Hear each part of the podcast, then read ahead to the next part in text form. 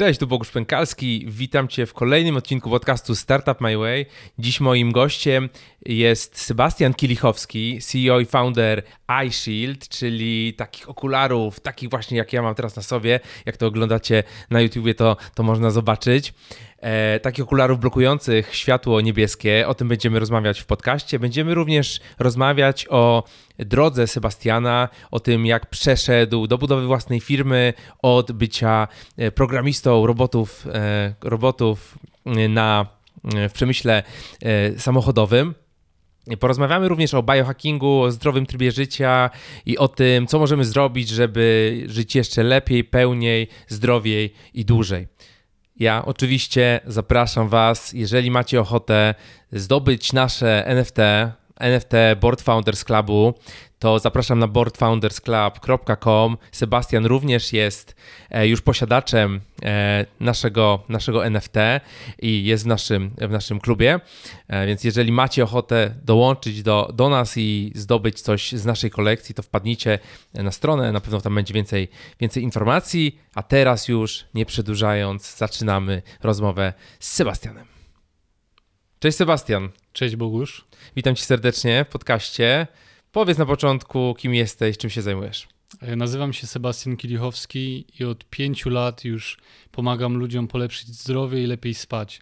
A oprócz tego jestem założycielem i twórcą okularów blokujących światło niebieskie iShield. Właśnie, mamy tutaj jedne, mam, mam na sobie gościnnie, ty masz drugie. Jeszcze tutaj mamy, o, takie, takie całkowicie te blokują tylko część światła, nie? Tak, to jest wersja Day Shield y, do użytku w ciągu dnia. One blokują 40% światła niebieskiego, mają zupełnie inne przeznaczenie niż właśnie te, te pomarańczowe, które trzymasz. Tak, a te, a, te są, a te są już na noc, gdzie mogę sobie założyć i teraz przed snem na przykład na live, jak mnie oglądaliście, to, to prawdopodobnie byłem w tych okularach, e, żeby, żeby po prostu lepiej, lepiej spać i być zdrowszym. E, właśnie, jeszcze nie wspomniałem, nie wspomniałem w intro o tym, ale e, z kodem BFC, jak Board Founders Club, jest zniżka, tak. e, dostaniecie zniżkę, także możecie wejść na iShield.pl. E, to jakby nie jest e, reklama, nie jest, nie jest nic e, sponsorowanego, natomiast ja sam korzystam z produktów Sebastiana i Sebastian był tak miły, że, że wrzucił zniżkę dla naszych, dla naszych słuchaczy. Powiedz, czym się zajmowałeś e, w, w, młodych latach? Czym, czym się interesowałeś i jak w ogóle trafiłeś do tej branży IT? E, pytasz już o takie lata wczesne o, typu... O takie lata wczesne jeszcze powiedzmy przed, przed studiami, tak? Okej, okay. no to ja poszedłem e, klasyczną ścieżką, byłem, poszedłem taką klasyczną ścieżką jak rodzice chcieli. Czyli poszedłem wtedy do technikum elektronicznego, chodziłem 4 lata do technikum elektronicznego, mm. potem poszedłem na studia, ale jeszcze zanim poszedłem nawet do tego technikum, to generalnie ja nie wiedziałem, co ja chcę robić. Ja nie wiedziałem, co mnie kręci, co mnie nie kręci, co ja chcę robić w życiu. Uważam, że to jest zbyt wczesny etap w życiu e, dziecka, żeby podejmować tak kluczowe decyzje, więc Generalnie nie wiedziałem nic, więc poszedłem za głosem rodziców. Myślałem, że oni wiedzą najlepiej dla mnie, e, jak powinienem potoczyć tą swoją ścieżkę edukacji i kariery. No więc poszedłem do technikum elektronicznego. To były 4 lata E, niby najlepsze technikum gdzieś tam w moim regionie, ale generalnie jak patrzyłem od środka, jak się to odbywa, to technikum było najlepsze z tego powodu, że po prostu uczyli jak zdać egzamin zawodowy, mhm. a nie przekazywali takiej wiedzy, która faktycznie przyda mi się w życiu. Więc to już była pierwsza lampka, która zapaliła się w mojej głowie, jak wygląda system edukacji od środka. Potem, no, koleją rzeczy były studia, też yy, takie techniczne. Też nie wiedziałem, co chcę robić po, po technikum.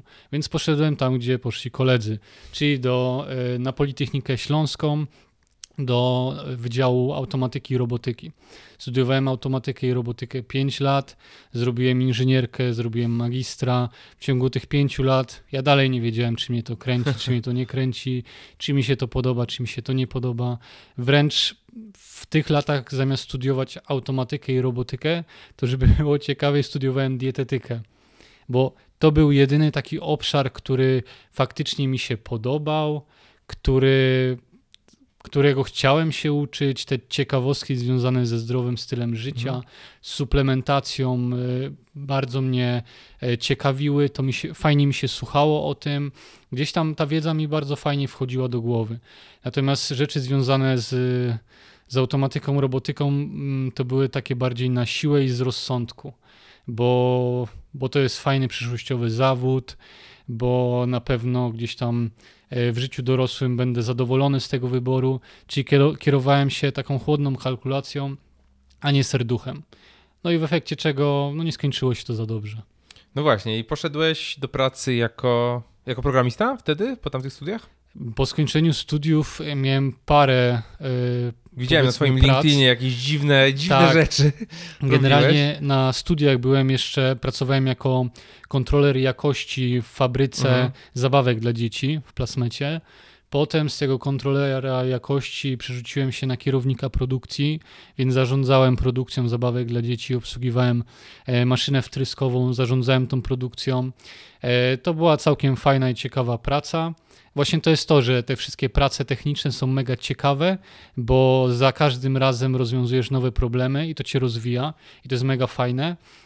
Natomiast gorzej, jeżeli to robisz i to cię nie kręci. No tak. O tym trochę dalej powiem. Mhm. Natomiast dalszą moją pracą po skończeniu już studiów e, to była praca programisty robotów.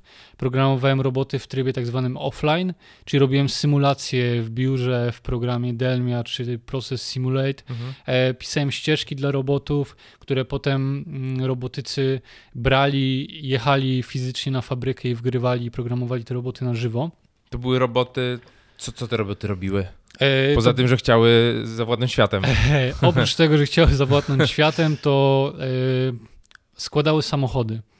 To były fanuki, to były ABB, to były kuki, czyli takie roboty, które składały samochód do kupy. Brały blachy, spawały te blachy, zgrzewały, walcowały.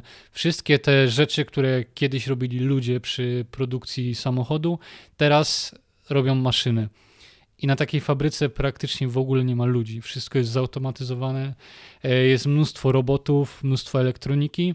No i potrzeba właśnie robotyków, żeby zaprogramować te roboty, żeby skracać czas cyklu, bo wiadomo, że jak samochód się zrobi w godzinę, no to słabiej niż jak się zrobi w pół godziny.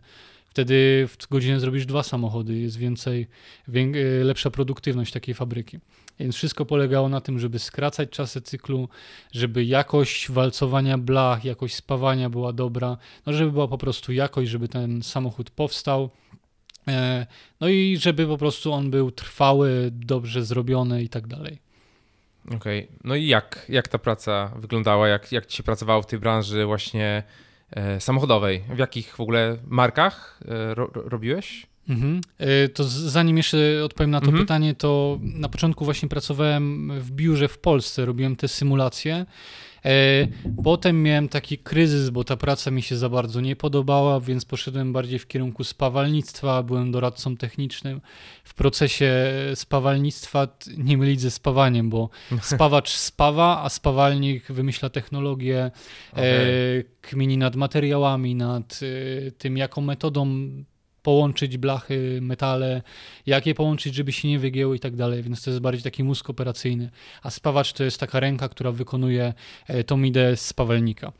Natomiast w tym zawodzie spawalnictwa również mi się za bardzo nie podobało, więc wróciłem do robotyki. Ale firma, do której chciałem wrócić, już mnie nie chciała przyjąć, żeby pokazać innym, że nie da się tak po prostu odejść i wrócić. E, więc znalazłem inną firmę, to nie było trudne, bo faktycznie jest tak, że kończysz studia, to w tym kierunku technicznym wrota stoją przed tobą otwory, mm. możesz sobie przebierać w tych pracach. Więc wtedy poszedłem do innej firmy i e, pierwszego dnia w pracy dostałem bilet e, na delegację od razu, która była za tydzień, e, więc był szybki start. No i praca robotyka online polega na tym, że lecisz na fabrykę, pracujesz tam od poniedziałku do poniedziałku przez 2-3 tygodnie, mhm. dzień w dzień, potem wracasz na tydzień, 10 dni do Polski, odpoczywasz, wykorzystujesz e, te, te godziny wolne jakby, i potem wracasz z powrotem na fabrykę. Więc e, tak wygląda praca robotyka online, więc pracowałem tam od poniedziałku do poniedziałku, e, programowałem skanie, czyli takie tiry. Mhm. Programowałem Rolls A Royce'a. w czym, program, w czym to się programuje? E, Tutaj wielu programistów na pewno nas słucha. Każdy robot ma swój dedykowany język programowania, O. czyli na Cookie masz inne standardy niż na ABB, na Fanuki są inne. One są podobne, e, natomiast To no, jakieś takie języki się. skryptowe, tak? Tak, generalnie masz e, na przykład, jak pracujesz e, pod daną marką samochodu, to ona ma swój standard. Na przykład Volkswagen ma swój standard, dużo marek należy do grupy Volkswagena i oni mają swój standard. Tam powiedzmy Mercedes ma inny standard i de facto musisz się uczyć tego standardu, nazywnictwa, komend. E, Programujesz, są takie tablety, jakby każdy robot jest podpięty do tabletu i generalnie w tym tablecie grzebiesz w ustawieniach tego robota, uczysz go punktów w 3D, żeby on potem wiedział, jak się ma poruszać. E, Wprowadzasz i wgrywasz te wszystkie programy, symulacje, które robili e, robotycy offline w biurze, Mhm. ale zawsze jest tak, że te e, symulacje w ogóle się nie zgadzają. Też byłem na takim jednym projekcie.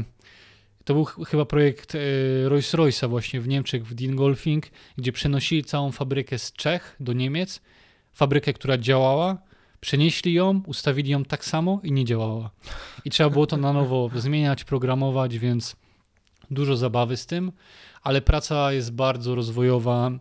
Każdy problem jest de facto inny, więc uczysz się, grzebiesz w tych programach. E, Jest bardzo, bardzo taka fajna, pobudza mózg do myślenia i to mi się bardzo podobało. To bardzo mi się to podobało. I czy w którymś momencie po prostu poczułeś, że teraz trzeba zacząć robić coś innego? Jak, jak wyglądało to? No bo tak wydawałoby się, że praca fajna, tak? Wszystko dobrze. No a nagle dzisiaj, tak, prowadzisz firmę, jesteś przedsiębiorcą. Czy w ogóle jakieś takie przedsiębiorcze myśli gdzieś tam krążyły ci w głowie, żeby warto coś było zrobić swojego, prędzej czy później? Wiesz co, coś mi krążyło w głowie, tylko nie potrafiłem tego nazwać. To jest kolejny gdzieś tam mój ból systemu edukacji, że szkoły nie uczą dzieci No nie. co robić w życiu, ani jak znaleźć tą swoją drogę. E, No i sam musiałem ją odnaleźć. Akurat podczas programowania miałem czas, żeby słuchać różne podcasty, Mhm. więc bardzo pomógł mi podcast e, o nazwie Pasja Informatyki. Mhm. On tam ma taką serię o nazwie Wojownik Poeta, e, skierowaną głównie do mężczyzn, ale kobiety również będą, mogą, mogą czerpać Mhm. fajne informacje z tych podcastów. No i poniekąd właśnie dzięki, dzięki takim podcastom jak Pasja Informatyki pod, byłem w stanie nazwać to, co się działo mi w serduchu i w, i w głębi duszy. E, czy, I dotarło do mnie, że ja nie chcę tego robić. Że ja nie chcę programować tych robotów, że to mi nie daje Mhm. fanu, nie daje mi zadowolenia z życia. Doszło do mnie też, że jestem ideowcem, czy ja muszę mieć jakąś ważną ideę do, do realizacji. E, Pieniądze nie są dla mnie takim e, czynnikiem przewodnim, Mhm. Że ja nie pracuję, żeby zarabiać pieniądze, tylko ja chcę zmieniać świat. I zacząłem się zastanawiać, jaki ja mam wpływ na świat, programując roboty. No fajnie, wyjedzie więcej samochodów na ulicę. I co z tego? Nie dawało mi to spełnienia. Mhm. I wiesz, wstawałem do pracy i czułem, że muszę znowu iść do tej roboty. Znowu ta robota. Fajnie, dobre pieniądze, bo jak na polskie warunki taki programista ma bardzo dobre pieniądze. Jakie są mniej więcej kwoty? No jak ja zaczynałem, byłem tam w stanie 8-10 tysięcy zarabiać. Ładnych parę lat temu. Ładnych parę lat temu, tak. Jako świeżak po Mhm. studiach. No tak. A jak pracujesz dłużej, e, jesteś tam jakiś division liderem, Mhm. to pieniądze są znacznie większe, znacznie większe.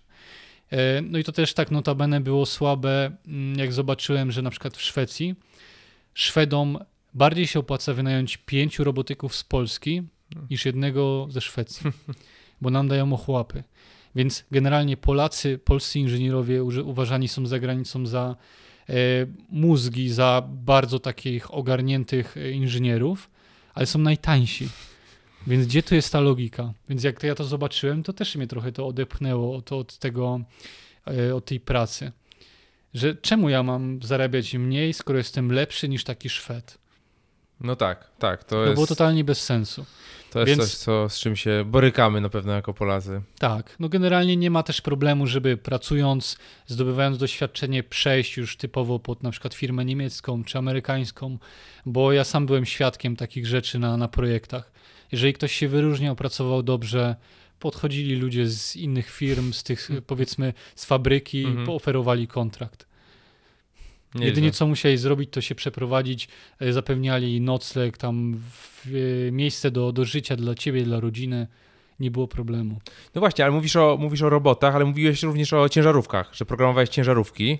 E, tak, to było Scania. No właśnie, bo tak ludzie normalnie nie myślą o samochodach jako o czymś, co się, co się programuje, może nie wiem, jakieś tam podstawowe rzeczy, a tutaj to są miliony linii kodu, tak, na taki samochód.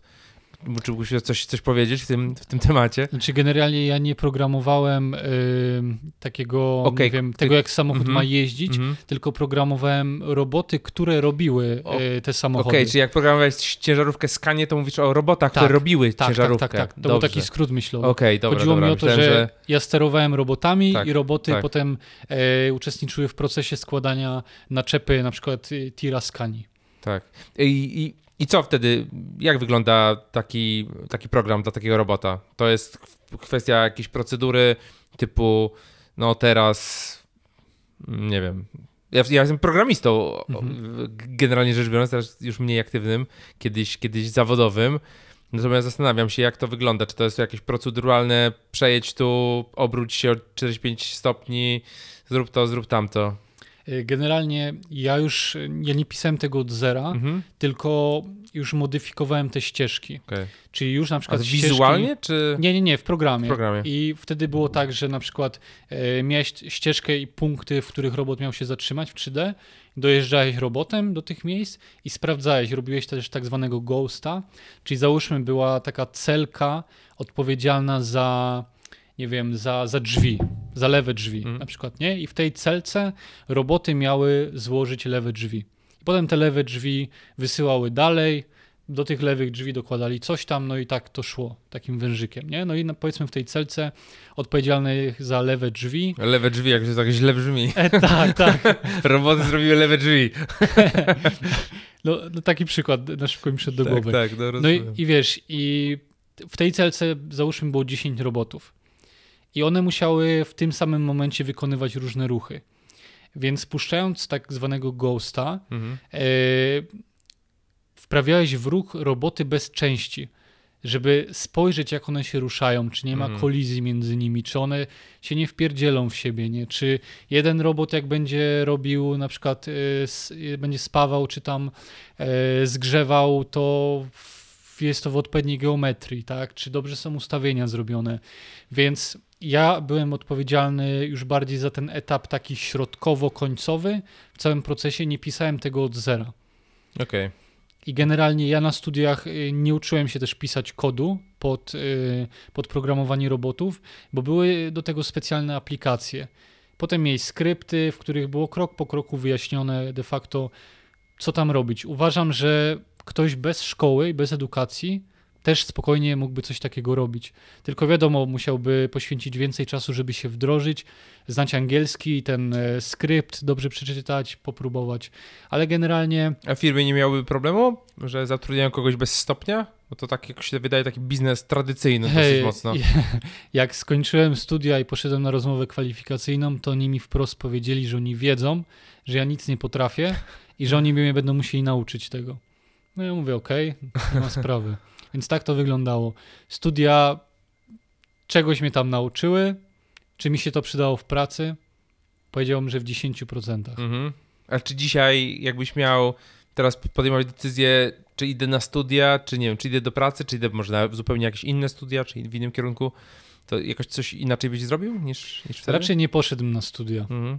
Raczej zająłbym się już biznesem, tworzeniem czegoś swojego. Bo jednak te 5 lat studiów to był taki fajny okres w życiu, taki wiesz, takiej, że jesteś już dorosły, nie mieszkasz z rodzicami, Mhm.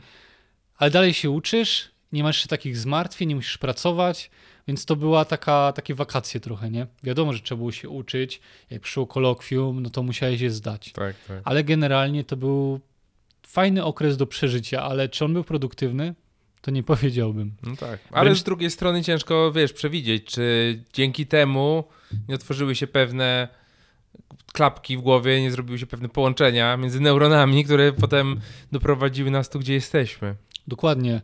E, Więc z tym mindsetem, jaki mam teraz, to bym nie poszedł na studia. Ale wiadomo, mogło być tak jak mówisz, że musiałem iść na te studia, żeby to wszystko zobaczyć, żeby dojrzeć, żeby odkryć w sobie pasję do, do zdrowia, hmm. do tematów związanych ze światłem i rytmem dobowym, żeby na przykład stworzyć okulary iShield. Może gdyby nie te studia, nie ta fabryka, to bym ich nie stworzył. I teraz bym pracował, nie wiem, w Macu, nie? Na przykład, albo robił coś zupełnie innego. Więc no niezbadane są te, te losy, tak. ścieżki ludzkie. Natomiast pracując y, jako robotyk, odkrywałem siebie, słuchałem te podcasty i gdzieś dojrzewała we mnie ta myśl, że ja chcę robić coś swojego i ja chcę mieć sprawstwo nad, nad życiem. Mhm. Chcę swoimi działaniami realnie wpływać i ulepszać ten świat. Sprawiać, że ten świat będzie lepszy, bo ja też jestem zwolennikiem takiej filozofii, że jak chcesz zmienić świat, to zacznij od swojego podwórka. Czyli właśnie chciałem zmieniać i życie naokoło mnie, moim bliskim i dzięki właśnie tej pasji związanej ze zdrowiem byłem w stanie, mm, prowadząc bloga Dieta to nie wszystko, pisać ciekawostki związane właśnie z, z dietą, z suplementacją, z rytmem dobowym. E, ten mój blog się rozrastał, coraz więcej osób to obserwowało, komentowało, e, więc czułem, że przekazuję fajną wartość, ludzie się czegoś uczą. Może paru osobom zmieniłem życie na lepsze i to mi dawało taką frajdę i poczułem, że to jest chyba moja misja. Że ja chcę robić coś takiego, że ja chcę być takim, powiedzmy, mentorem, nauczycielem, mhm. przekazywać tą wiedzę, edukować ludzi i to mi sprawia niesamowitą frajdę. I ja chcę to robić w życiu. Więc wtedy było tak, że skoczyłem ze spadochronu z 4 kilometrów, zabiłem starego Sebastiana, mówię, że muszę tak symbolicznie trochę umrzeć Aha. i odrodzić się na nowo. I to był ten skok ze spadochronu, skoczyłem, oczywiście nie umarłem, dalej żyję, e, ale następnego dnia złożyłem wypowiedzenie. Szef się zapytał, że co teraz, gdzie idę. Ja mówię, że otwieram firmę swoją i będę prowadził ludzi dietetycznie. Spojrzał na mnie, że gość oszalał. No i mi się to fajnie rozkręciło. E, prowadziłem ponad 350 osób, pomagałem im e, schudnąć, poprawić zdrowie. Wydawać by się mogło, że co ten gość mówi? Przecież on chodził do technikum elektronicznego, studiował automatykę, robotykę, programował Rolls Royce'a i będzie uczył i pomagał ludziom schudnąć się lepiej czuć. Gość chyba odpłynął. No właśnie jestem y, wielkim zwolennikiem tego, że nie dyplom świadczy o człowieku, tylko jego umiejętności, jego mm. wiedza. I ja wiedzą byłem w stanie udowodnić swoimi umiejętnościami, że jestem w stanie lepiej tym ludziom pomóc niż nie jeden dietetyk. Mało tego, oni sami do mnie przychodzili, bo oni widzieli, że to, co piszę, to, co publikuję, mm. te rady, które daję, się sprawdzają. No dobrze, to przejdźmy teraz do tego właśnie zdrowego trybu życia, czy jak to się dzisiaj modnie nazywa, biohackingu.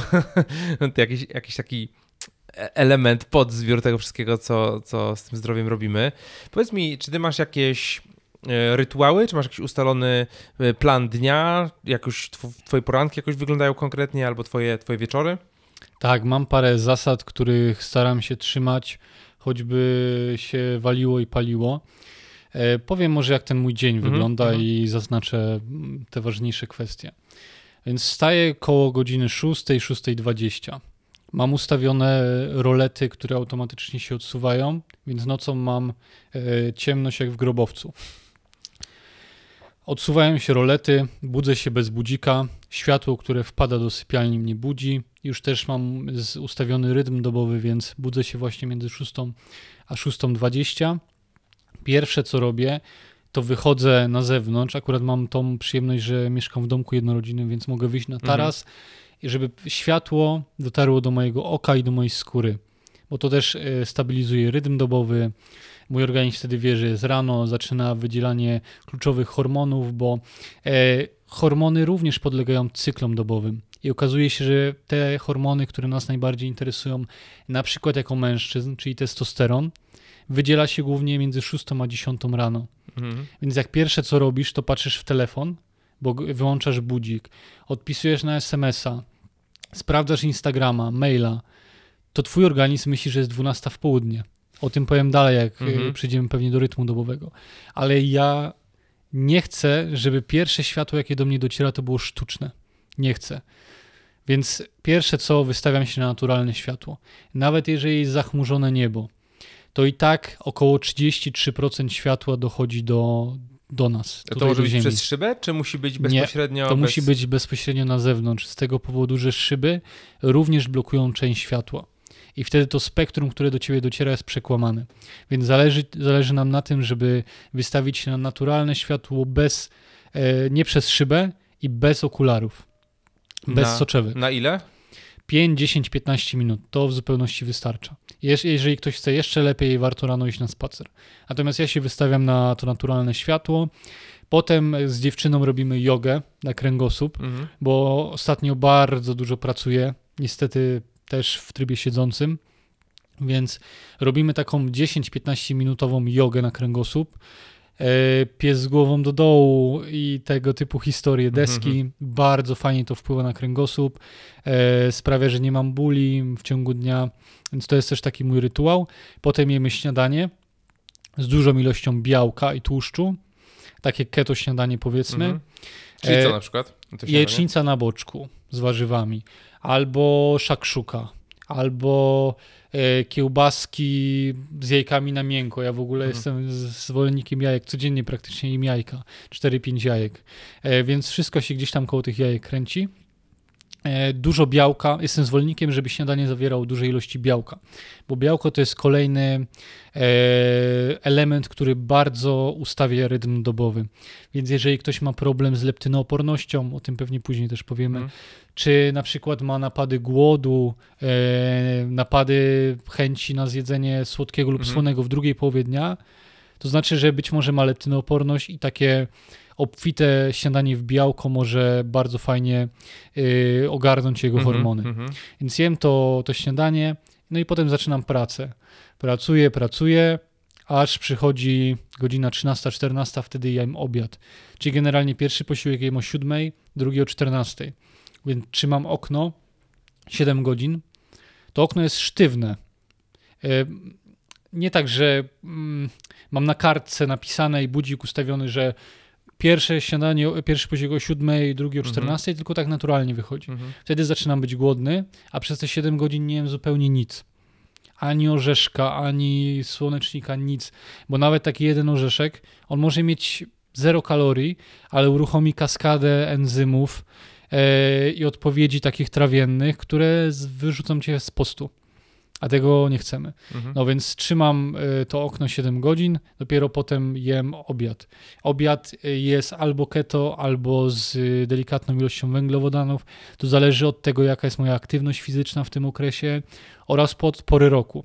Zimą jestem totalnie na czystym keto, nawet w takim kierunku karniwora, czyli zero mhm. warzyw nawet a latem, kiedy są dłuższe cykle słoneczne, kiedy jest więcej światła UV, bo światło UV wpływa na trawienie węglowodanów, więc im mocniejsze cykle UV, im indeks UV jest większy, tym możesz jeść więcej węglowodanów i nie pójdzie ci to w tłuszcz. Więc wtedy na przykład dokładam ziemniaki, ryż e, czy jakieś e, węgle złożone mhm. I, kończę e, z jedzeniem kolacji o godzinie 18. Więc jem trzy posiłki dziennie i od rana do wieczora pracuję. Teraz mam taki okres, że pracuję od tej 8 do, do 19, do 20 nawet. W domu pracujesz? W domu, w biurze, mamy swoje biuro, ale też mam takie tematy, gdzie w domu wolę pracować, bo się mogę bardziej skupić. Jeżdżę po spotkaniach z klientami, jeżdżę na podcasty, tak jak właśnie teraz no jestem tak. tutaj u Ciebie w Warszawie. Mm Teraz będziemy do Mediolanu lecieć też biznesowo. E, potem są targi w Londynie, więc dużo takich biznesowych rzeczy. Skupiam się na 110% na biznesie. E, trochę moje życie prywatne cierpi, bo kontakty ze znajomymi są ograniczone, ale e, no, gdzieś tam świadomie biorę na siebie to brzemię. Wiem, że teraz musi tak być i po prostu jest cięższy okres, który muszę wziąć na klatę, mhm. Żeby potem było lżej. Okej, okay, a jaki jeszcze wygląda twój, twój wieczór? 18 jest ta, jest ta kolacja, kończysz pracę powiedzmy za 19, 19.20 yy, i co, co później? Fejsik? Nie wiem. Nie, potem już się odcinam Te, totalnie. Telewizja. Odcinam się od elektroniki, bo już za dużo tego sztucznego światła.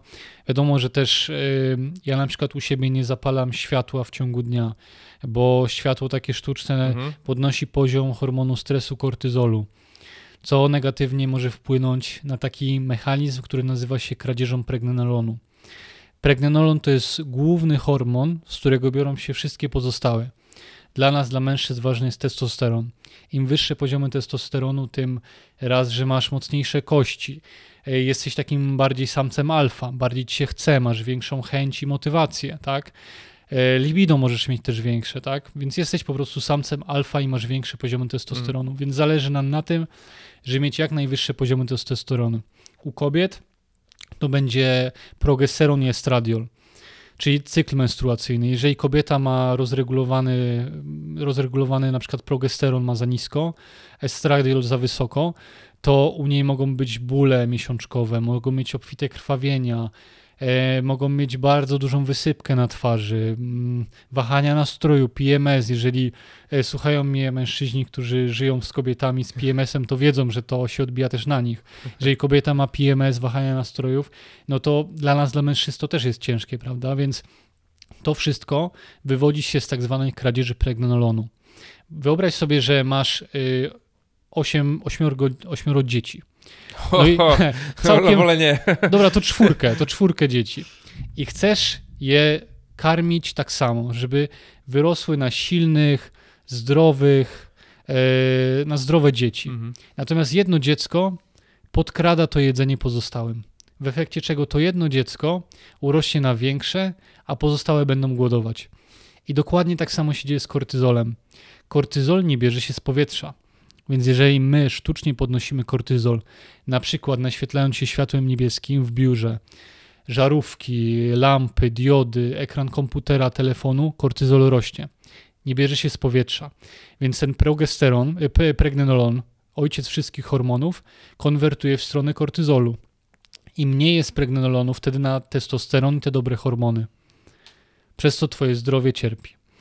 No więc ja chcę mieć jak najmniejsze wahania kortyzolu w ciągu dnia.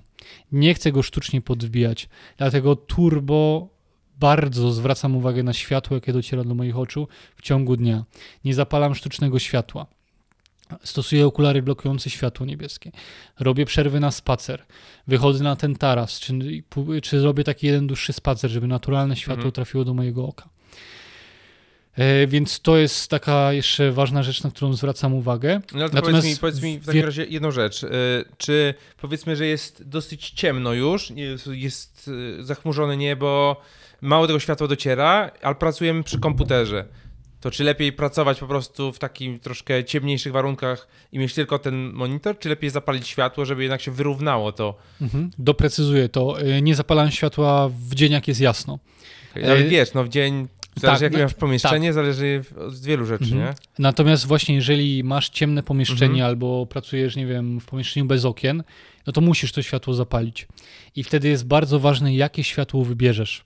Mhm. Bo jeżeli wybierzesz białe LEDy, takie dające światło jasne jak na Antarktydzie, to jest najgorsze, co możesz zrobić. Bo generalnie żarówki, które były kiedyś w obiegu, takie jak wymyślił Thomas Edison, czyli tak zwane żarówki żarowe, one były mega dobrą alternatywą. Z tego powodu, że one emitowały e, dużo światła czerwonego i podczerwonego. Natomiast podczerwień to jest ciepło, mhm. więc te żarówki się po prostu grzały. I e, to były straty mocy. Unia Europejska mhm. stwierdziła, że one nie są ekologiczne, bo taka żarówka ma 50-100 watów i to jest w, w głównej mierze ciepło, które nie jest ci potrzebne, bo ciepło jest niewidzialne. Tak, nie? Dlatego się nagrzewa ta żarówka. Dlatego się nagrzewa. Więc zbanowali żarówki żarowe. Ale nie wiedzieli, że podczerwień ma mega duże właściwości prozdrowotne. Podczerwień w, w dużym stopniu równoważy światło niebieskie. Tak jak w turbo uproszczeniu można powiedzieć, że światło niebieskie napędza, podnosi kortyzol, napędza procesy starzenia się, mhm. tak światło czerwone i podczerwone hamuje. Więc jak jest ten balans, to wszystko jest ok. Natomiast my obecnie żyjemy w świecie, w którym nie ma praktycznie podczerwieni. Światło z telefonu, z komputera, z tych lamp, co nas teraz naświetlają przy nagrywaniu podcastu. Yy, z zabawek dla dzieci, z deski rozdzielczej w samochodzie. Tam nie ma w ogóle podczerwieni.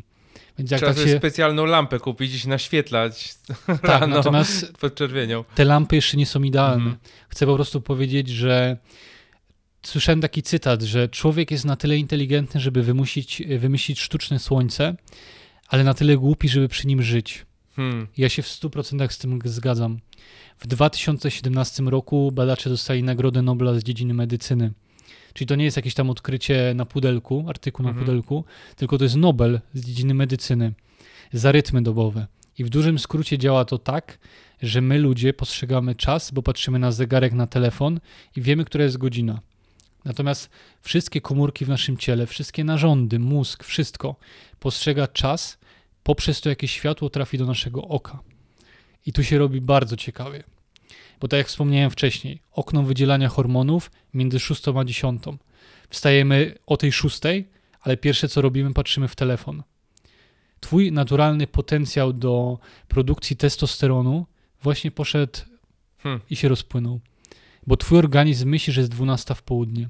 Bo taką informację daje ekran telefonu, ekran komputera i generalnie sztuczne światło. Gorzej, jak to się dzieje wieczorem. Chcesz iść spać i następnego dnia masz ważne wydarzenie z życia.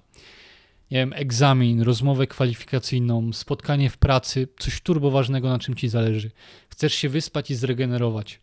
Albo uczyłeś się prezentacji, masz jakieś wystąpienie Mhm. i chcesz się zregenerować.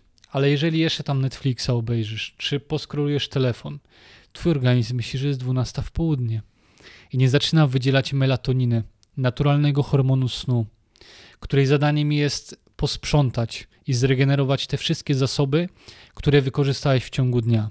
Melatonina to jest jak, jak takie mycie naczyń po kolacji. Jak nie umyjesz naczyń po kolacji jednego dnia, to jest pół biedy. Ale wyobraź sobie, że nie myjesz naczyń w ogóle przez rok, przez dwa lata.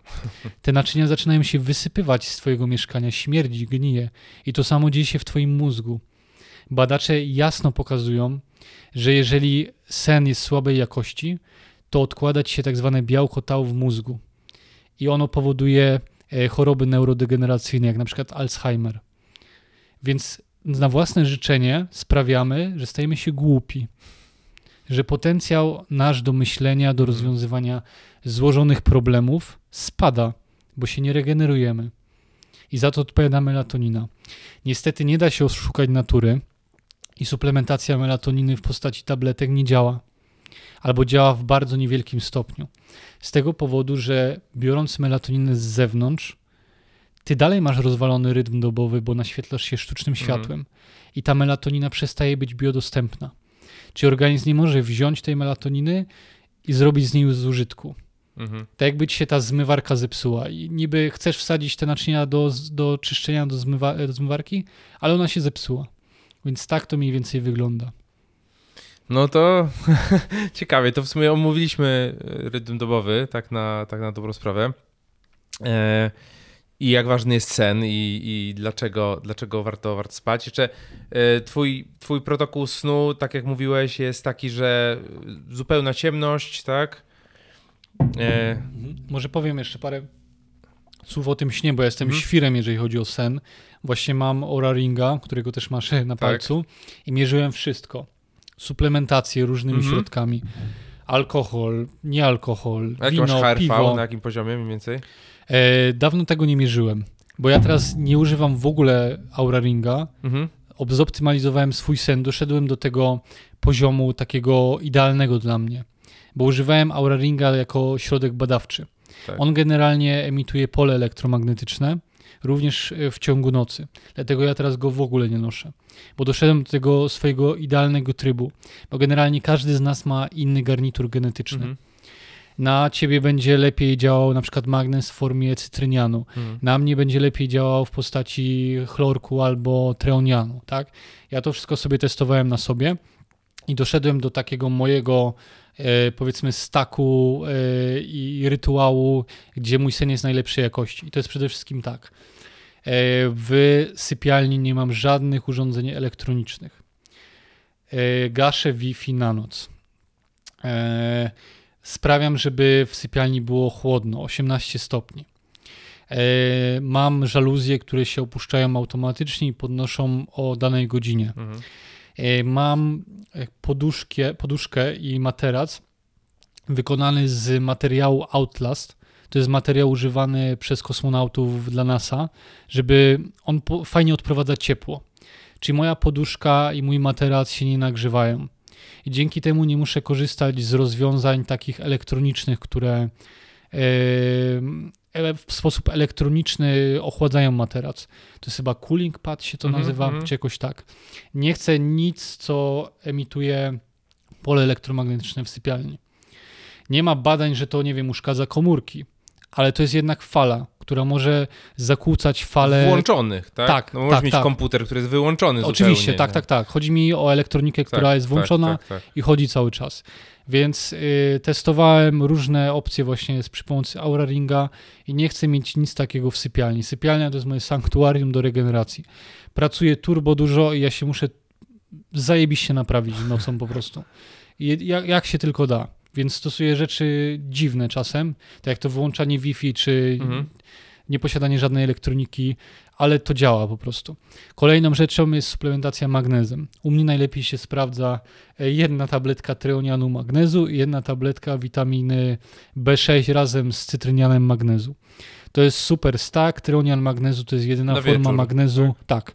To jest jedyna forma magnezu, która przekracza barierę krew-mózg, czy jest w stanie wejść powiedzmy Mhm. do mózgu i tam zadziać, yy, spełnić swoją rolę. E, Fajnie działa w interakcji z B6, który gdzieś tam potęguje efekt. E, Próbowałem olejków CBD, ale u mnie się to nie sprawdziło totalnie. E, No i do tego okulary blokujące światło niebieskie. Założenie okularów blokujących światło niebieskie, tych pomarańczowych Night Shield, około godzinę więcej mam deep kiedy je założę, więc Około mnie to jest- godzinę więcej. około godziny więcej. Aha, ty chyba miałeś jakieś takie problemy z tym głębokim snem, Tak, z tego co gdzieś bo- wyczytałem. Dokładnie. Generalnie każdy jest inny i to, że u mnie okulary podnoszą o godzinę deep sleep, to nie znaczy, że u ciebie też podniosą, bo każdy ma inne tak zwane z, geny zegarowe. I ty możesz mieć na przykład predyspozycję do tego, żeby mieć fajny deep sleep, ale możesz mieć mniejszy REM. Albo możesz mieć tak, że REM i deep sleep masz na wysokim Może poziomie. powiedz jeszcze, jakie są te fazy snu, bo część, Mhm. myślę, że dużo osób w ogóle, w ogóle nie zna. Jeżeli tego nie mierzy, to, to nie wie, że są fazy snu i je, je, jakie one są. Generalnie tak. y, warto spać 8 godzin, ale spanie 8 godzin między 22 a 6 absolutnie nie równa się spaniu 8 godzin między czwartą w nocy a 10. Chodzi o to, że w naszej szerokości geograficznej faza głębokiego snu następuje między 22 a 2. Masz Aura Ringa, to sprawdź sobie z Mhm. ciekawości, jak to u Ciebie wygląda, ale prawdopodobnie tak to powinno właśnie wyglądać, że między 22 a 2 zachodzi deep sleep. Tak, jak pójdę na imprezę, to nie wygląda to dobrze. To wtedy nie ma deep sleepu. I potem dopiero jest faza REM. E, I faza REM jest właśnie bardziej aktywna w drugiej połowie tego snu. E, Faza REM bardziej to jest taka konsolidacja wspomnień, tak jak czegoś się uczysz, to fajnie mieć tą fazę REM większą. Natomiast deep sleep to jest e, regeneracja układu nerwowego, regeneracja mózgu, taka właśnie uzupełnienie tych wszystkich zasobów, które wykorzystałeś w ciągu dnia. Natomiast każdy, tak jak wspomniałem wcześniej, ma inne te geny zegarowe i to, że ty masz deep sleep na poziomie, nie wiem, godziny, a ktoś ma 3 godziny, to jeszcze o niczym nie świadczy, że ty masz słaby sen. Trzeba spojrzeć na to szerzej właśnie. Mhm. Spojrzeć też na fazę REM, spojrzeć na to, czy nie masz wybudzeń w, w ciągu nocy między godziną 20, y, drugą a trzecią. Jeżeli ktoś ma wybudzenia między godziną drugą a trzecią, to może świadczyć o tak zwanej nadczynności kory nadnerczy. E, wtedy kortyzol jest, jest y, pobudzany również nocą, kiedy nie powinno go być. Bo generalnie kortyzol budzi nas rano i on wtedy spada. Wieczorem już go nie powinno Mhm. być, wtedy rośnie melatonina, ona nas usypia, sprawia, że się regenerujemy. Natomiast jeżeli budzimy się w nocy do toalety, to nie jest normalne. I to nie oznacza, że za dużo wypiliśmy Mhm. przed spaniem. Mhm. To znaczy, że rytm dobowy jest rozwalony. I to jest sytuacja patologiczna, bo tak jak wspomniałem wcześniej, narządy również mają rytmy dobowe. I dla przykładu pęcherz również jest połączony z rytmem dobowym. I pęcherz nocą powinien wyłączyć swoją aktywność. On nie powinien cię budzić, bo chce ci się sikać. Pęcherz nocą powinien być wyłączony. Jeżeli budzisz się, bo chce ci się sikać, to znaczy, że rytm dobowy jest zakłócony i fajnie coś z tym zrobić. I co można wtedy zrobić z tym? No na przykład chronić się przed sztucznym światłem Wieczorem. niebieskim na 3-4 godziny przed snem. W ciągu dnia obniżać kortyzol, na przykład stosując takie okulary blokujące, co blokują połowę światła niebieskiego. Wyjść na spacer, starać się, żeby jak najwięcej naturalnego światła dotarło do oka, e, regulować impulsy rytmu dobowego przez białkowe śniadanie, robić sobie przerwy między posiłkami, nie tak, że podjadasz w pracy po orzeszku, bo jesteś już głodny. Poczekaj tą godzinę dłużej i zjedz, zjedz porządny posiłek. Staraj się, żeby przed spaniem, to jest też bardzo mhm. ważna rzecz, o tym chyba mało kto mówi. E, jeżeli zależy ci na dobrym śnie, dobrej regeneracji, na długowieczności, fajnie jak twój cukier przed tym, jak idziesz spać, jest poniżej 89 mg na decylitr. Możesz to zmierzyć sobie takim no, mm, urządzeniem do pomiaru cukru, glukometrem. Glukometrem. Glukometr, no. Tak, bo mówi się, że fajnie jak ostatni posiłek jest na 3 godziny przed snem. Okej, okay, ale nikt nie mówi dlaczego. I to jest właśnie mhm. to, żeby ten cukier się obniżył poniżej 89. Czyli jedzenie paczki ciastek przed snem nie jest najlepszym pomysłem. Nie, bo wtedy autofagia też jest upośledzona. I właśnie autofagia i apoptoza to są dwa turboważne procesy związane z długowiecznością i ze zdrowiem, które kontroluje melatonina. Powiem, czym one są w telegraficznym skrócie. Autofagia to jest taki recykling komórkowy. To tak jak zbieramy plastik, żeby potem go przetworzyć i zrobić nowe butelki. Więc jeżeli jakieś twoje komórki są już stare, już słabo działają, to organizm może je rozłożyć i z surowców powstałych z rozkładu tych komórek zrobić nowe, bardziej wydajne, elastyczne, taki po prostu awans komórkowy. Melatonina kontroluje ten proces. Również kontroluje apoptozę. Apoptoza jest bardzo ważnym procesem pod kątem e, jakichś chorób i nowotworów, bo apoptoza to jest kontrolowana śmierć komórki. Więc jeżeli nowotwór się rozwija i zaraz może przejąć kontrolę nad komórką, to organizm jest w stanie w kontrolowanych warunkach tą komórkę unicestwić. Zniszczyć nowotwór i znowu z y, surowców mhm. powstałych z rozwalenia tej komórki zrobić nową, lepszą, bardziej wydajną. Natomiast jeżeli apoptoza nie działa i nowotwór przejmie kontrolę nad komórką, doprowadzi sobie naczynia krwionośne, on już staje się autonomiczny. Już go nie można tak łatwo wywalić. Dlatego to jest mega istotne, żeby każdej nocy wydzielać naturalną melatoninę, żeby te dwa procesy działały.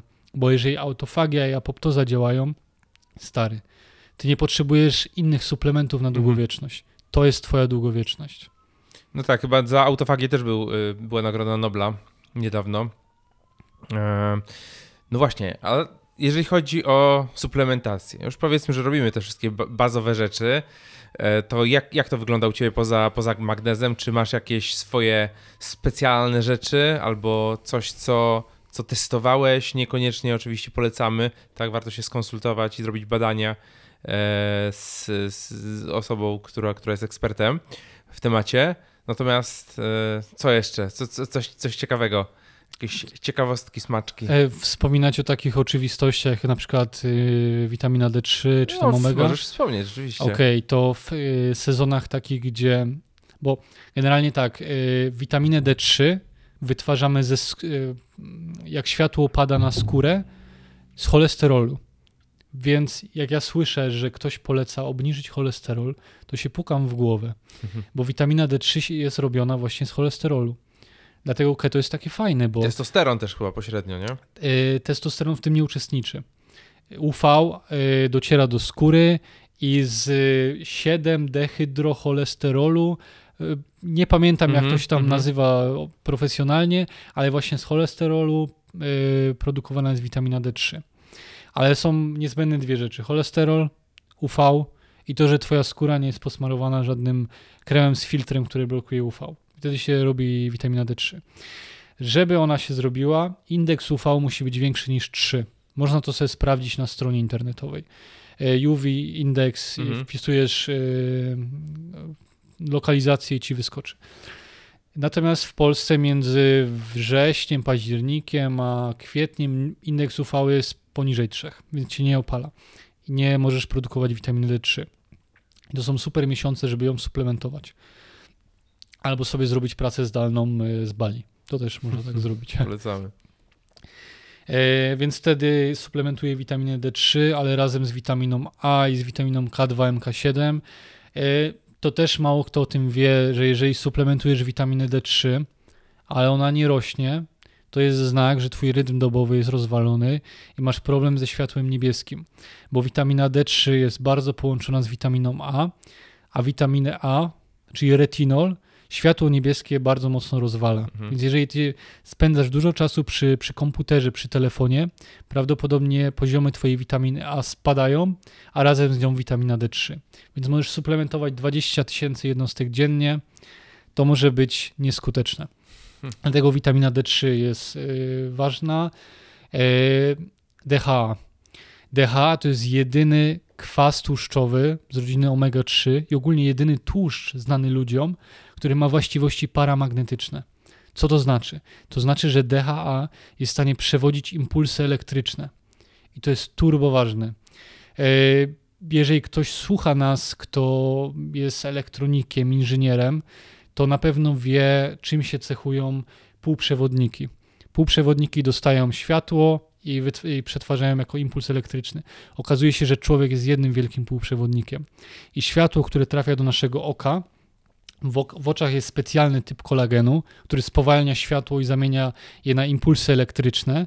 Potem te impulsy elektryczne muszą e, siąść na nośnik w postaci DHA, żeby trafić do mózgu. I tak organizm kreuje rytm dobowy. Ze światła, które jest przetwarzane na impulsy elektryczne, i wtedy w głowie mamy taki rejon, który nazywa się jądrem nadskrzyżowaniowym. To jest taki CEO firmy, mm -hmm. nie? I on potem przekazuje informacje do e, poszczególnych narządów. I tam są zegary peryferyjne. I one muszą słuchać CEO. I musi być dobra komunikacja w firmie, tak? Jak komunikacja w firmie jest słaba, no to zadania się wywalają, tak? Mhm. Procedury nie działają. Muszą być dobre procedury w firmie. Tak samo musi być komunikacja między y, jądrem nadskrzyżowaniowym i innymi e, tkankami, żebyś był zdrowy. Bo na przykład jak jesz pizzę, to zależy ci na tym, żeby twoja trzustka wydzieliła insulinę w odpowiednim czasie, żeby cukier, który gdzieś tam się ulokuje w Twoich naczyniach krwionośnych po zjedzeniu pizzy, szybko upakować do komórek, najlepiej mięśniowych, nie tłuszczowych, żeby Ci oponka na brzuchu nie rosła. Jeżeli jest rozregulowanie w rytmie dobowym, insulina wydzieli się za późno i wydzieli się jej więcej, bo cukier dłużej jest w naczyniu mhm. krwionośnym i to jest sytuacja patologiczna.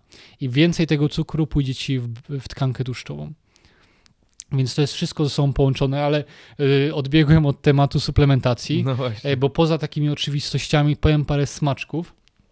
Jeżeli ktoś obawia się COVID-a, bardzo fajna jest nikotyna, bo nikotyna wtedy chroni receptory nikotynowe w mózgu. Badania pokazują, że COVID tam dokuje poniekąd i też to może powodować problem z przeponą i z y, układem oddechowym. Dlatego e, taki mały odsetek ludzi palących papierosy jest hospitalizowanych na COVID, bo oni po prostu dostarczają nikotynę regularnie. Więc jeżeli ktoś się obawia COVID-a, gumy nikotynowe są fajną, fajną opcją. Sam to stosowałem. Jeszcze lepiej, jeżeli e, taką gumę nikotynową zażywamy na słońcu, bo UV jest w stanie powiedzmy wzmocnić e, sygnalizację tego, tej nikotyny w naszym ciele. Drugą rzeczą jest metyl błękitny.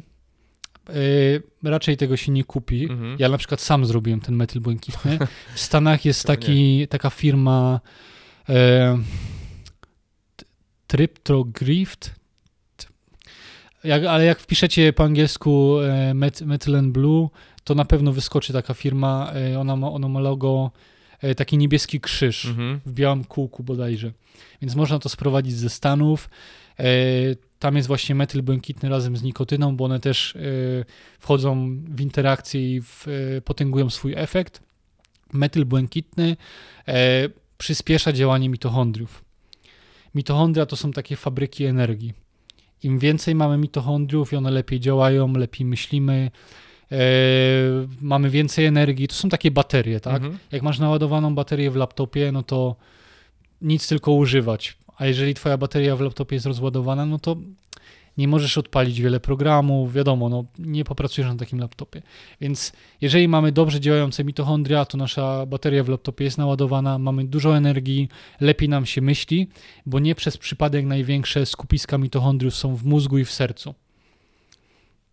I ten suplement, właśnie metyl błękitny, zwiększa działanie mitochondriów, więc mamy jeszcze więcej energii. Czyli ty sprowadziłeś jakiś taki, powiedzmy, składnik, e, czy nie wiem, czy to mówić.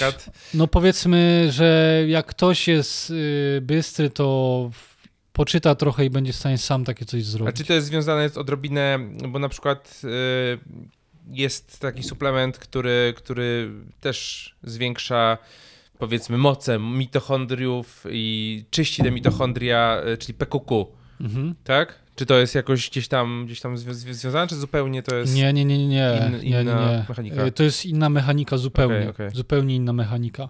PQQ trochę wzmacnia te mitochondria, trochę poprawia taki e, redoks mitochondriów. Mhm. Fajnie, jak on jest dostarczany z ubiquinolem, czyli z Q10 w formie zredukowanej, bo taki ubiquinol jest Mhm, najlepszy. Natomiast y, metylbłękitny to jest taki 10 poziomów wyżej jeszcze. On jest, leczy się niedokrwistość bodajże w medycynie właśnie metylem błękitnym, więc on jest dostępny na, receptę, ale żeby to dostać, to jest bardzo ciężko. Chyba jeszcze nawet ciężej niż y, dostać modafinil, Mhm. e, więc no, No właśnie, a jakie jest twoje zdanie o modafinilu? Stosowałem modafinil. y, Na mnie bardzo fajnie działa. Próbowałem też tej drugiej formy, czyli e, armodafinilu bodajże. Mhm. E, Na, ją można legalnie kupić w dosyć prosty sposób, bo niby jest tak, że jak bierzesz modafinil, to on konwertuje w tobie w armodafinil, Mhm. więc ludzie stwierdzili, czemu nie brać od razu armodafinilu, ale on nie działa aż tak dobrze. Więc modafinil na mnie super działa. I jeżeli mam jakieś takie mm, chwile, że jestem zawalony pracą, to czasem przysuplementuję. Ale modafinil też warto brać razem z, z takim czymś, co się nazywa citotrop. To jest do kupienia w aptece. To jest y, odpowiednia formia, forma mm, alf, alfa GPC się to nazywa. Tak, tak, Nie tak, pamiętam tak, teraz tak, na tak. polski, jak to się mówi. E, dwie tabletki citotropu, tabletki modafinilu i jest spoko. Kawa też potęguje działanie modafinilu, więc taki stack można wziąć, ale też raczej nie używam tego, że codziennie, nie? Mhm. bo to ma być taki, wiesz, y, wspomagacz raz na jakiś czas. Specjalne Tak, tak. okazje. E, A czy robisz coś jeszcze dodatkowego w kwestii długowieczności? Czy, czy masz jakieś, e, czy, czy nie wiem, obserwujesz w ogóle te, te badania, co tam się dzieje? Te, wszystkie rzeczy. e, Y, Długowieczność jest mega ciekawa, tak? Skracanie telomerów i tak dalej. Tak. Natomiast y, ja jestem dużym zwolennikiem Peptydy. peptydy, tak, tak, tak, peptydy. No i właśnie, bo możemy iść dwutorowo, możemy iść w stronę takiej farmakologii, peptydy, różne ciekawe suplementy, związki, a możemy iść w stronę dbania o mitochondria. Ja bardziej jestem, skłaniam się ku tej drugiej opcji, czyli dbania o mitochondria, bo jest coś takiego jak heteroplazmia. Mm. Chodzi, heteroplazmia to jest stosunek zdrowych mitochondriów do chorych mitochondriów w twojej komórce. W każdej komórce twojego ciała są tysiące mitochondriów, tych fabryk energii, nie? No i fajnie, jak te fabryki energii są wydajne, produkują dużo energii. Jeżeli w twojej komórce jest przewaga tych wydajnych mitochondriów, no to masz dużo energii. A jeżeli jest przewaga tych słabo działających starych, no to masz mało energii, tak? To jest logiczne. I właśnie heteroplazmia to jest stosunek tych zdrowych do chorych. Jeżeli osiągniemy procent heteroplazmii 90, plus, umieramy. Hmm. Czyli zależy nam na tym, żeby odwlec w czasie narastanie heteroplazmii, bo to, że ona narasta, to nie da się tego zatrzymać. Jakbyśmy zatrzymali heteroplazmię, to żylibyśmy wiecznie. Nie da się, więc de facto zdrowie to Jeszcze. jeszcze, jeszcze nie da się. Może jak słuchacie tego podcastu już się da. Może już się da, tak, oby. Natomiast y, zdrowie w mojej definicji to jest odwlekanie choroby w czasie, Mhm. odwlekanie śmierci w czasie. Bo na chwilę obecną to, że każdy z nas umrze, to jest pewne, tak? Jak podatki. Tak. E, Na razie 100% skuteczności. tak, na razie 100% skuteczności, więc y, im jesteś w stanie bardziej spowolnić tempo narastania heteroplazmii, czyli e, pojawiania się tych chorych mitochondriów, tym będziesz dłużej żył i miał więcej energii. Proste. To jest dla mnie długowieczność. Więc ja y, robię wszystko, żeby zatrzymać namnażanie tych wadliwych mitochondriów i staram się spowolnić tempo heteroplazmii. E, Robię to właśnie moim stylem życia, dbaniem o rytm dobowy, stosowaniem różnych dziwnych rzeczy, jak e, właśnie metyl błękitny. W peptydy raczej się nie bawię. Jeszcze. bo jeszcze to jest dosyć świeże. Mhm. Mm, Mam pewne wątpliwości co do peptydów, ale nie jestem też specjalistą, więc wolałbym się nie wypowiadać na temat peptydów. Natomiast Resveratrol? resveratrol jest ok w postaci zredukowanej, e, transresveratrol Że ten e, NMM, N, NM, czekaj, NMN chyba. The NAT Plus, NAD Plus. E, tak, tak, tak.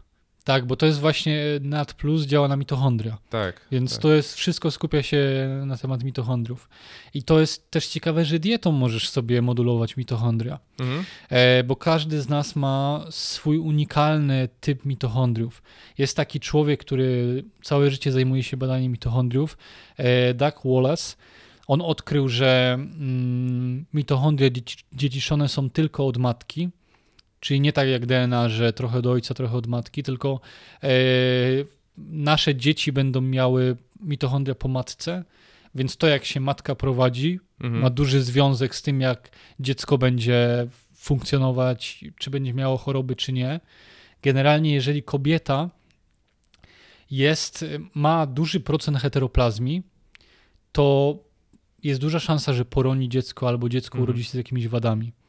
Tak natura dba o to, żebyśmy nie reprodukowali takich. Mm, no nie chcę powiedzieć brzydko, że.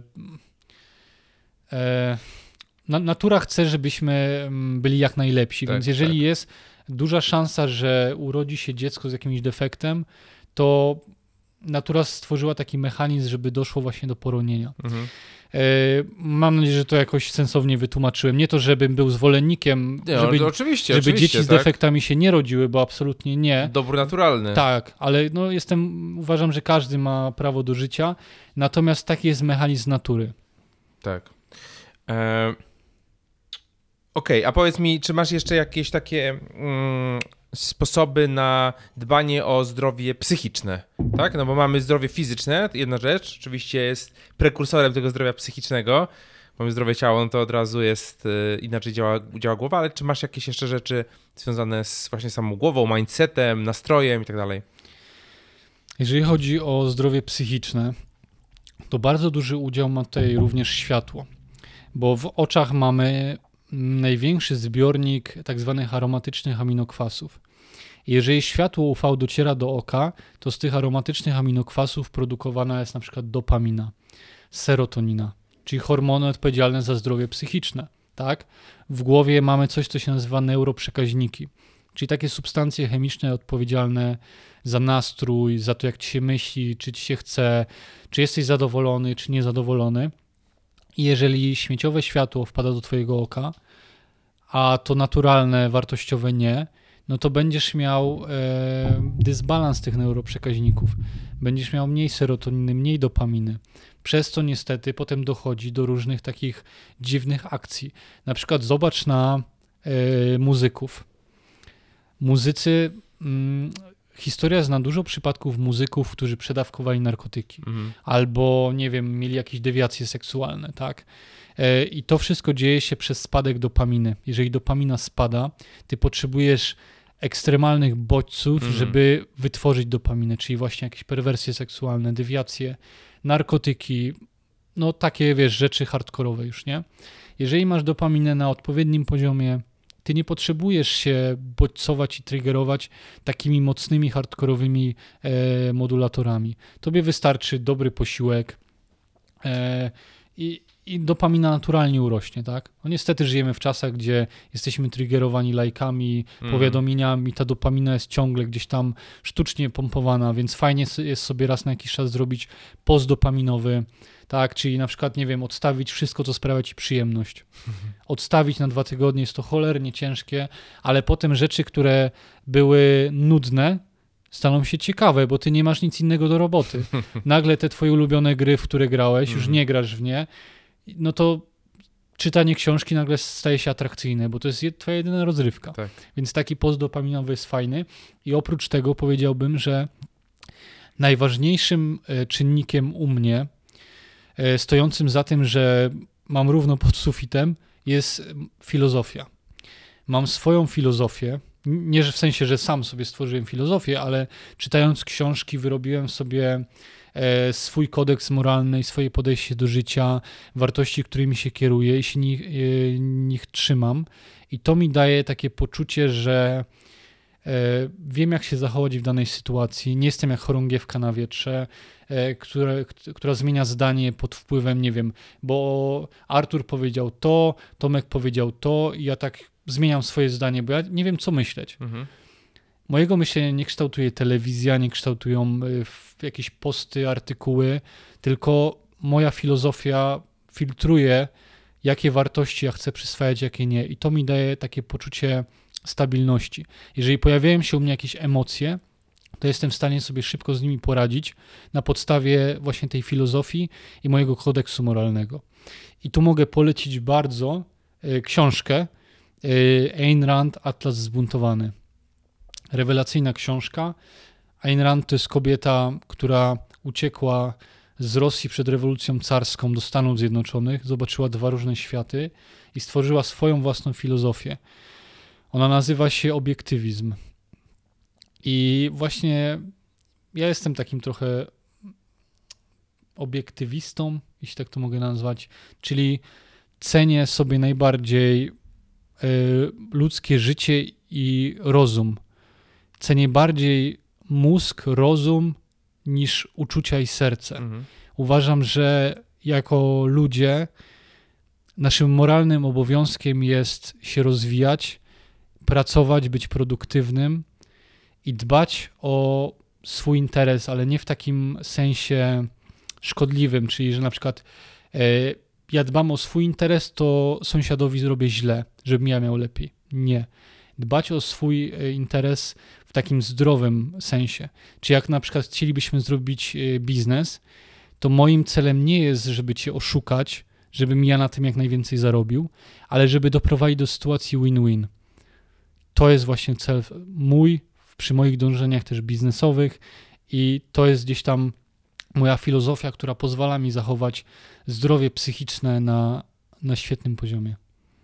No, dzięki, dzięki, robi wrażenie e, to, co, to, co powiedziałeś. E, polecamy e, Atlas Butowany również. Ja jeszcze osobiście nie czytałem, ale zbieram się do tego. Też nie jest prosto tę książkę, książkę dostać. Nie ma wybuku. Pozdrawiamy Marcina Osmana, bo Osman ma u siebie na sklepie chyba. Ma, na, ma w sklepie? Tak, tak, tak. Atlas Zbuntowany.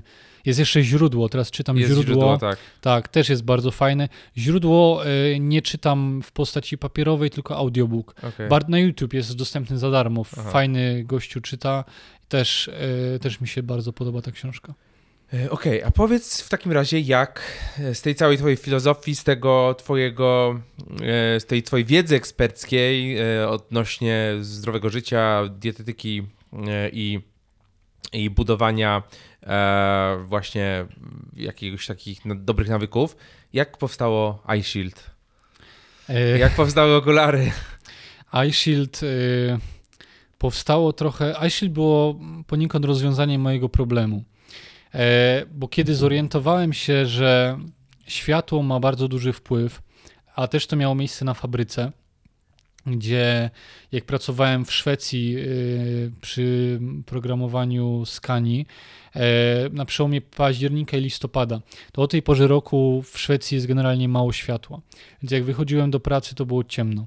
Wracałem, też było ciemno. Pracowałem od poniedziałku do poniedziałku przez trzy tygodnie, więc jedyne światło, jakie docierało do mojego oka, to było to sztuczne światło y, z lamp w fabryce. I zauważyłem, że nagle mam jakoś mniej energii, muszę sobie zrobić drzemkę w ciągu dnia, e, libido mi spadło, jakiś taki w ogóle nieswój byłem. I zacząłem się zastanawiać, skąd to wynika. Skoro w tym, co jadłem, nie zmieniło się nic, w tym, co suplementowałem, nie zmieniło się nic i w aktywności fizycznej również. Więc te trzy filary zwane zdrowiem pozostały niezmienne, a jednak poczułem znaczne pogorszenie zdrowia i olśniło mnie. Olśniło mnie, że to jest środowisko, w jakim zacząłem żyć. Kiedy zjeżdżałem do Polski na te 10 dni, było lepiej. Więc moje środowisko się zmieniło. Mhm. A największym stymulatorem jest światło. No i zacząłem kombinować wtedy. zacząłem czytać. Y, właśnie przeczytałem to, tą Nagrodę Nobla z dziedziny medycyny, poznałem rytm dobowy i okazuje się, że światło jest największym tak zwanym dawcą czasu, czyli naj, w największym stopniu steruje rytmem dobowym. Więc jak to zrozumiałem, to zacząłem się zastanawiać, ok, to fajnie byłoby jakoś modulować to światło, które trafia do oka. Fajnie byłoby sterować tak, żeby wpadało to dobre światło, a to takie szkodliwe eliminować. No i mówię, kurde, a jakby zrobić takie okulary, które po prostu filtrują odpowiednie światło. No i tak powstała myśl o okularach blokujących światło niebieskie, która potem przekształciła się już w fizyczny produkt. No właśnie, jak wyglądały pierwsze, pierwsze kroki e, tego biznesu? Skąd wiedziałeś, jak te okulary w ogóle zrobić? Czy nawiązałeś współpracę z kimś?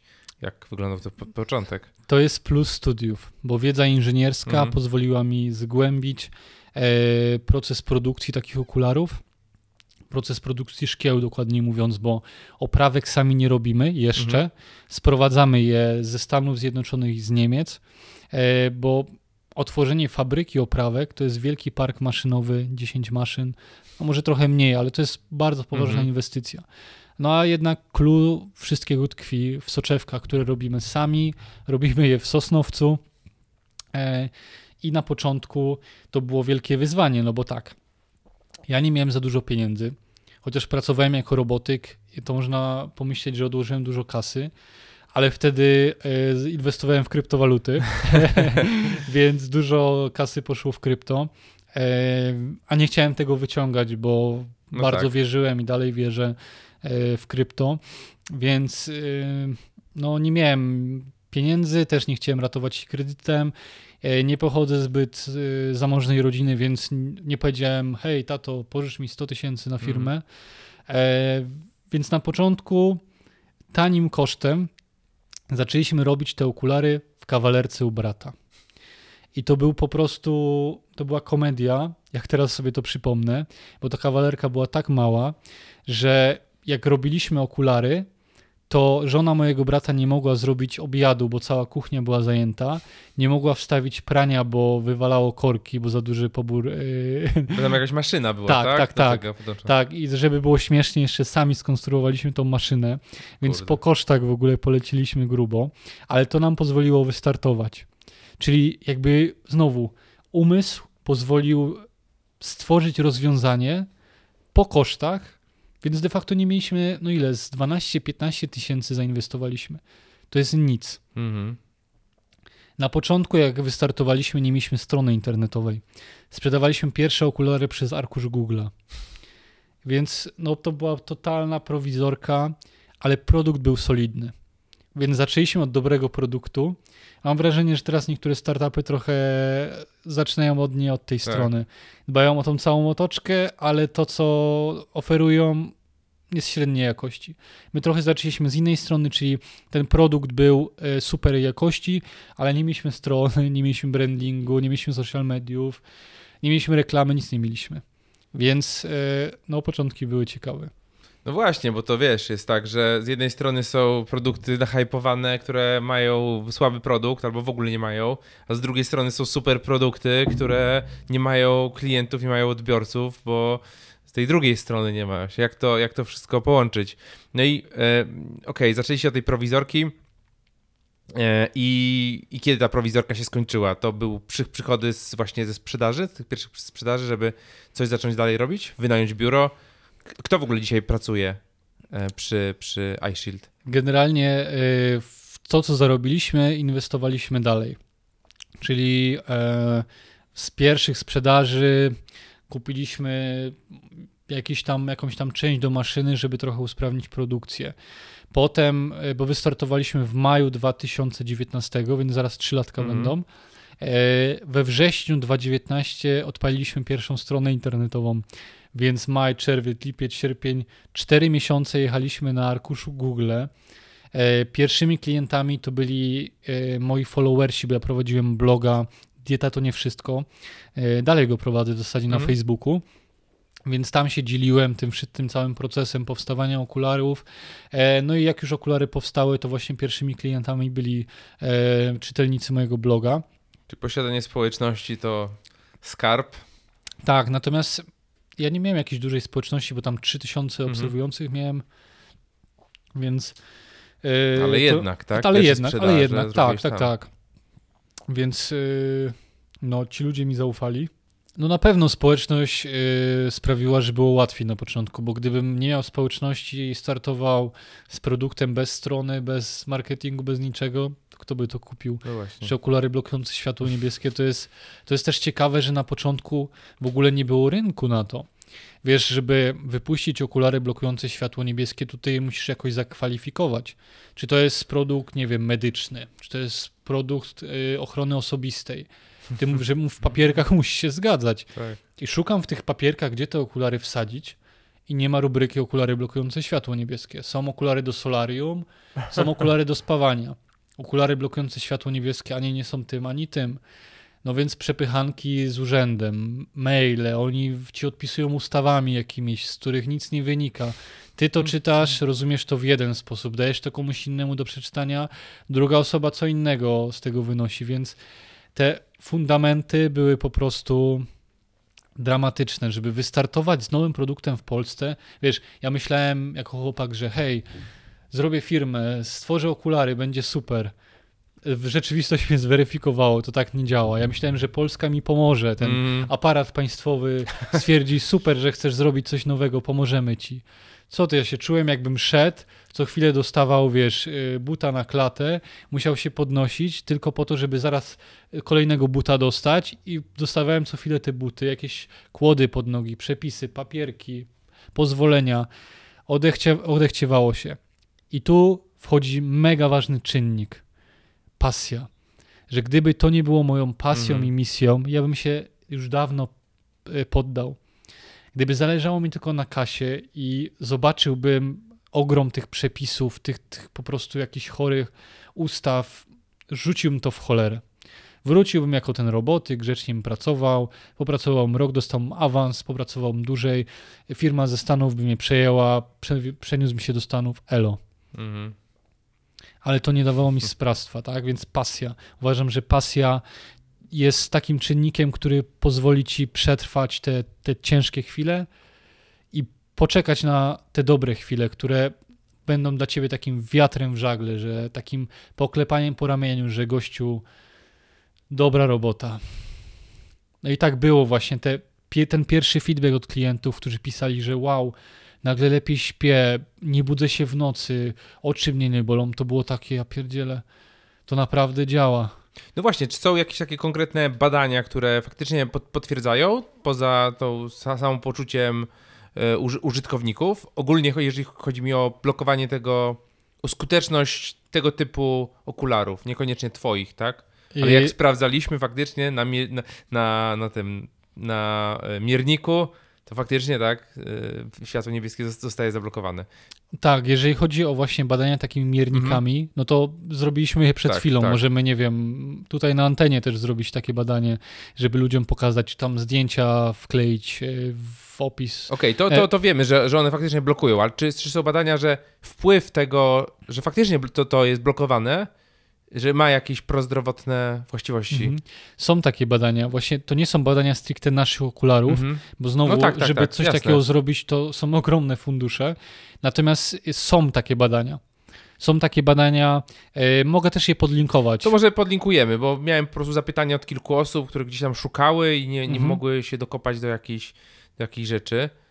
E, to nie ma pod... problemu, to, to po tym podcaście wyślę ci Tak, linki, też mogę jakoś to opisać, może żeby to było, nie wiem, czy linki same będziemy wstawiać, czy jakiś komentarz. no, jak komentarz, bardzo chętnie. Bardzo Okej, chętnie. okej. No to nie ma problemu. Okej, i jak, e, jak to się rozwijało? Skąd znajdowaliście ten rynek, tych, tych klientów?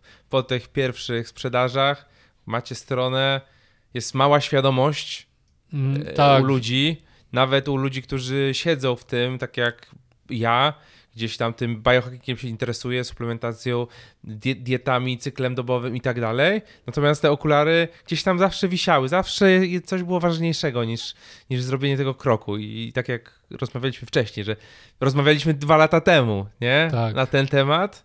Nagle już dwa lata później dopiero wchodzi, wchodzi w, w temat okularów. no, kładliśmy mocny nacisk na edukację. Edukacja, edukacja, edukacja. Podejrzewam, że te informacje, które na tym podcaście ludzie usłyszą, to będzie takie wow, czemu ja o tym nie słyszałem Mhm, wcześniej? mhm. Czemu o tym w telewizji nie mówią, tak? No, o tym w telewizji nie mówią, bo generalnie my mamy taką filozofię, że naturalne światło jest, jest zdrowe i w, warto go mieć jak najwięcej. To czemu o tym w telewizji nie mówią? No bo nie da się słońca zamknąć w tabletkę i sprzedać. Dlatego o tym nie mówią. Dlatego to jest wiedza, którą y, nie zobaczycie na trzech pierwszych stronach Google'a. Tak? No. Więc staramy się edukować przede wszystkim. Mi ludzi. też żona mówiła, że będę w pomarańczowych okularach głupio wyglądał. Tak, więc, więc właśnie dla niektórych liczy się wygląd, dla niektórych liczy się, nie wiem, to czy na Netflixie będą fajne kolory, bo kupili nową plazmę i bez sensu byłoby zakładać pomarańczowe okulary, które e, no, widać, w których widać na pomarańczowo, skoro kupiliśmy nowy telewizor i są fajne kolory. No kurde, to jest kwestia priorytetów. Chcesz dobrze spać, się regenerować, mieć więcej energii, co się przełoży, nie wiem, na lepsze zarobki, na rozwijanie pasji, czy chcesz widzieć dobre kolory w telewizorze? No, my kierujemy nasz produkt i naszą wiedzę do osób, które chcą polepszać jakość życia, a nie których, którym zależy na dobrych kolorach, tak? No tylko to jest to, że jeżeli nie mamy tej wiedzy, no to, to okej, to takich ludzi nie można winić, tak? Ale jeżeli już ktoś wie o tym rytmie dobowym, o wpływie tego wszystkiego i on nawet nie spróbuje, bo my dajemy gwarancję satysfakcji na okulary, czyli możesz je zamówić i przetestować. Mhm. I jeżeli cokolwiek ci nie będzie pasowało, nawet bez powodu możesz je odesłać. Zwracamy 100% kasy. No to jeżeli nawet nie chce ci się spróbować, no to kurde, to zastanów się, jakie są twoje priorytety, tak? No, więc edukacja. Kładliśmy mocny nacisk na edukację. Gdzieś tam procentowo 80% edukacja, 20% sprzedaż. Sprzedaż była minimalna. No bo nie było wcześniej na rynku czegoś takiego, Mm, tak? W, mm. w, nikt nie wiedział, co to jest. Jakieś śmieszne okulary. Po co te w ogóle okulary, tak? Nikt nie wiedział o rytmie dobowym. Więc początki były bardzo ciężkie. Ja tak Bo- naprawdę z- zetknąłem się pierwszy raz z tymi okularami, po prostu będąc na różnych live'ach wieczornych u, u niektórych twórców, którzy po prostu mieli te okulary na sobie i ludzie pytali, ale co to za okulary? Tak jak ja teraz mam okulary w trakcie live'a, ale co to są za okulary? Tak? To, to też jest pewną formą e, takiego influencer marketingu, tak? Bo zakładasz, te osoby widać, tak? Szczególnie na ogół te spotkania, jakieś live, webinary są gdzieś wieczorami, więc wtedy się stosuje te okulary, żeby też to nie męczyło, żeby mieć lepszy sen i, i, i- tak dalej. I faktycznie to, to działa tak z mojego subiektywnego e, punktu widzenia. E, Ja się o tym dowiedziałem nie? i też inni ludzie się o tym dowiadują, więc to jest fajny, fajny kanał. Tak, to jest fajne właśnie, że e, to się rozchodzi pocztą pantoflową i to też tak ciekawi, że kurde, co on ma za pomarańczowe okulary? Po co on je nosi? I wiesz, i, i potem sam jesteś ciekaw, nie? I trafiasz na tą stronę i gdzieś tam ta myśl kiełkuje w głowie. Tak. Właśnie, właśnie po ostatnim live tam moja społeczność zaczęła pytać, ktoś tam nie dowierza, ale czy to działa, ale czy to u ciebie działa, ale czy są badania, czy coś tam.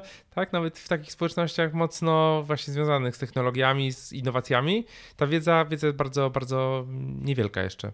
Tak, no to w 2017 był, była Nagroda Nobla z dziedziny medycyny za rytmy dobowe, więc minęło ile? 5 lat, więc to jest bardzo młody jeszcze rynek, bardzo młoda wiedza. E, W Stanach jest już to dużo bardziej wyhypowane. Jak na przykład e, byłem na konferencji biohackerskiej w Londynie, no to prawie każdy wiedział, co to jest, Mhm. tak? Bo tam świadomość jest znacznie większa. Niestety w Polsce jesteśmy jeszcze 100 lat za świadomością zdrowotną krajów takich jak Ameryka czy, czy chociażby Szwajcaria, gdzie też świadomość jest znacznie większa. Nie, nie generalizujmy, może tak, no bo z- w Ameryce z jednej strony masz to środowisko biohackerskie, które wszystko wie, a z drugiej strony masz potężną, wiesz, otyłość i tak dalej, choroby.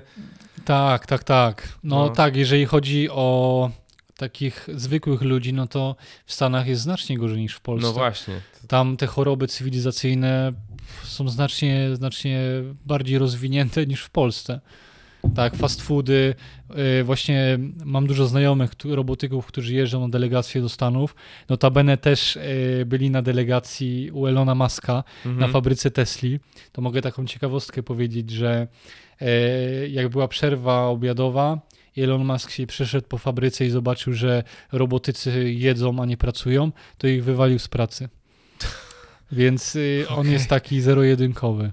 Okej, No. okej. E, więc w Stanach właśnie jak kolega był i mówi, że ciężko tam zdrową żywność w ogóle Mhm. kupić. Jak chcesz kupić mięso, to ono jest takie drogie, masz wszystko właśnie e, gotowe produkty, jakby obiad tylko do podgrzania w Mhm. mikrofalówce, nie? I to jest takie tanie, że głupotą byłoby tego nie kupić, nie? Więc wszystko jest bazowane na gotowcach. Elon dbał po prostu o autofagię tych, tych robotyków. Macie przerwę, tutaj 12-godzinne okno od początku pracy do końca, potem sobie jedzcie, co chcecie. No właśnie, a jeszcze taka, y, chciałem zapytać o, y, często się mówi o tym, że nie, są, są, są chronotypy, tak, że ty jesteś jakąś tam skowronkiem, ty jesteś nocną sową, ja to, wiesz, chodzę spać o trzeciej w nocy, bo, bo wtedy, wtedy pracuję. Czy to się da zmienić? Jak to się ma do rytmu dobowego? Mhm. To jest właśnie związane z tym, co powiedziałem wcześniej, e, z genami zegarowymi. Każdy ma swój garnitur genetyczny, natomiast da się te chronotypy wyprostować. Czyli jeżeli dbamy o rytm dobowy, stosujemy mm, właśnie na przykład post przerywany, dbamy o ten cukier przed snem, nie naświetlamy się światłem niebieskim, e, jemy bogaty posiłek białkowy, to jesteśmy w stanie ustawić nasz rytm dobowy. I też e, bodajże jest taki człowiek, Mateusz Majchrzak, Mhm. to jest trener snu. E, On leczy ludzi z bezsennością. I on też e, wysłałem mu okulary, żeby przetestował na jakimś swoim pacjencie. No i też sowy był w stanie ten rytm, ten e, chronotyp wyregulować. Jeżeli Mateusz nas słucha i tu palnąłem jakąś głupotę albo przekręciłem, to, to daj znać Mateusz, ale tak to, tak to właśnie zapamiętałem. A co byś radził? Ja kiedyś miałem tak, tego typu problem. Teraz jakby y, jak mam małe dzieci, to dzieci ustawiają bardzo ładnie ten rytm dobowy, bo po prostu dzieci wstają o godzinie 6 rano i tyle, tak? No i nie ma, nie ma za bardzo z tym zrobić. Natomiast ja miałem taki problem, że kiedyś wcześniej, y, że rano mi się chcia- chciało spać, powiedzmy, że nie musiałem nic robić, nigdzie wstawać konkretnie, no to spałem trochę dłużej. Potem wieczorem mi się już nie chciało spać, więc szedłem trochę później spać. No i rano znowu przesuwało mi się to, to okno, e, a wieczorem miałem znowu natłok myśli, chęć do robienia różnych rzeczy, więc siedziałem długo i to się cały czas przesuwało. I dzisiaj już nie mam tego problemu, natomiast e, co byś radził w takim, w takim, takim osobom? Myślę, że jest wiele takich osób. Yy, ustawić ten rytm dobowy odpowiednio. Przez pierwsze parę dni będzie to ciężkie, no bo wyrwi- musimy się wyrwać z tego Mhm. schematu, tak? To tak jak z jetlagiem. Odbywamy długą podróż i gdzieś tam jeszcze nie jesteśmy przystosowani do nowej strefy czasowej jest to przesunięcie. Więc jeżeli ktoś chce się przestawić, to takie najważniejsze rzeczy, jakie mógłbym polecić. Zjedz śniadanie do godziny po obudzeniu się z dużą ilością białka. Duża ilość białka mam na myśli 30 do 70 gram białka. To jest dużo. Szczególnie dla kobiet to jest dużo. I na początku nie zjesz tego. Będzie ci ciężko. Ale po 4, 5, 7 dniach organizm się przyzwyczai. I to śniadanie ma na celu, żebyś nie jadł, nie jadła przed snem Mhm. bo wtedy odwrócisz ten pattern, czyli rano będziesz głodny, głodna, a wieczorem nie będzie ci się chciało jeść. To jest już ogromny skok. Druga rzecz, żebyś chodził, chodziła spać o tej 22, a budziła się o 6. Budził się o 6. Będzie ciężko na początku, ale stosując na przykład okulary blokujące światło niebieskie, czy na przykład zdrowe oświetlenie, tak, bo są na przykład żarówki bez światła niebieskiego i bez efektu migotania, które też fajnie ustawiają rytm dobowy. Bo jest takie badanie, to też mogę ci podlinkować, że coś tak niewinnego jak zwykła lampka nocna przed snem potrafi w 72% zniszczyć wydzielanie melatoniny. Hmm. Czyli 72% twojego hormonu regeneracji, autofagii, apoptozy i przestaje być biodostępna i wysikujesz to w łazience. 72%. Lampka nocna przed snem. No masakra. Ze względu na żarówkę? Czy, czy... Ze względu na to, że e, światło niebieskie dociera do oka i twój CEO Mhm. rytmu dobowego myśli, że jest dzień. Więc Czyli zaprzestaje... okulary powinno się nosić, takie blokujące y, niebieskie światło, aż do wyłączenia świat, w ogóle światła? Tak, tak, tak. Na Bo 3 ja 4 natomiast je zdejmuję, tak powiedzmy, 10 O, minut przed snem. to spróbuj sobie nosić Okej. po prostu, efekty będą jeszcze lepsze. Okej, okej. Efekty będą jeszcze lepsze. No bo tak Bo- się wydaje, no nosiłem, nosiłem, zdejmuję, no Mhm. Bo właśnie niektórzy myślą, że sztuczne światło niebieskie to tylko komputer, telefon, telewizor. Ale właśnie lampka, Mhm. czy nie wiem, deska rozdzielcza w samochodzie, zabawka dla dzieci, dioda w sypialni, która miga, to wszystko światło sztuczne, które sprawia, że organizm myśli, że jest dzień. I to działa na takiej zasadzie, że w oczach mamy takie, taki receptor o nazwie melanopsyna. To jest taki stróż, który patrzy, czy światło niebieskie jest dostępne, czy nie. Informuje mózg, czy jest to światło, czy nie. Więc nawet jeżeli troszeczkę światła niebieskiego trafia do oka, tak? Bo nie wiem, stosujemy filtry na telefon i na komputer, Mhm. one faktycznie działają i zmniejszają to światło, ale one nie są skuteczne w 100%. To jak filtr w papierosie. Coś tam blokuje, coś tam filtruje, ale nie całkowicie, Mhm. tak? I tak samo jest z filtrami na telefon i na komputer. Do melanopsyny, do tego stróża dojdzie info, że jest trochę tego światła niebieskiego obecne, więc mózg będzie wiedział, ok, skoro jest światło niebieskie, to słońce jeszcze nie zaszło, czyli jeszcze jest dzień, Mhm. więc nie będę wydzielał melatoniny. I ty wtedy idziesz spać i dopiero po paru godzinach zaczynasz wydzielać melatoninę.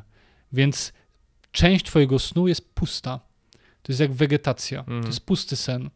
Śpisz i właśnie to jest też bardzo taka e, rzecz, na którą mm, mało kto zwraca uwagę, bo ludzie myślą, że dobry sen to jest jak śpisz 8 godzin.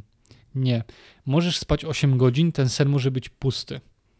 Albo możesz spać 8 godzin i mieć wysoką fazę e, deep sleepu i wysoką fazę REM. To są dwie różne rzeczy. Więc jeżeli twoja melatonina naturalnie się wydziela, bo blokujesz światło niebieskie, żadne światło niebieskie nie dociera do oka, wtedy wydziela się naturalna melatonina i wtedy dobrze śpisz. No, ciężki temat, ciężki temat, ale myślę, że parę osób e, będzie, będzie potem teraz miało większą wiedzę i zacznie stosować. To jest ciężki temat, bo rytm dobowy nie uznaje kompromisów. Więc to nie jest tak, że trochę poblokuje, a Mhm. trochę nie, bo fajny film leci, chcę widzieć kolory, to trochę założę te okulary, a trochę nie. Nie. No, kwestia nie na ma czytania, czytania książki, też w takich okularach? Ja mam żarówkę w sypialni czerwoną. Okej. Też jest na naszym sklepie. Wymyśliliśmy żarówkę, która nie ma efektu migotania. Może parę słów o tym. Jest coś takiego jak efekt migotania. Mhm. On występuje w LEDach, Mhm. więc czy to komputer, czy telewizor, czy żarówki.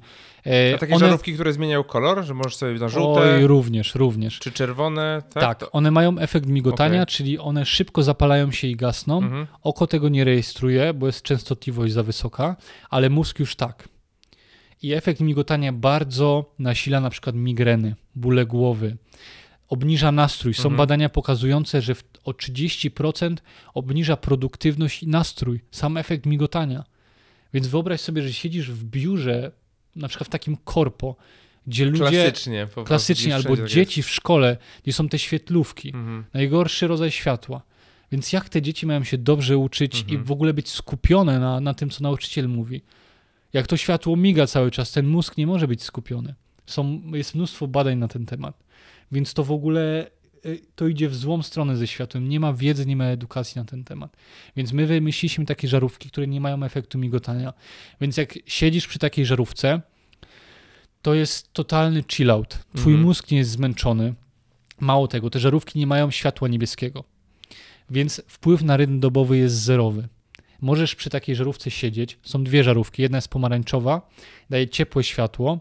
Mam ją w salonie, w kuchni i w łazience. Druga jest czerwona. Czerwone światło, tak jak wcześniej powiedziałem, jest regenerujące. Nie ma żadnego wpływu na Mhm. rytm dobowy, więc jak jestem w sypialni, ściągam okulary i czytam książkę.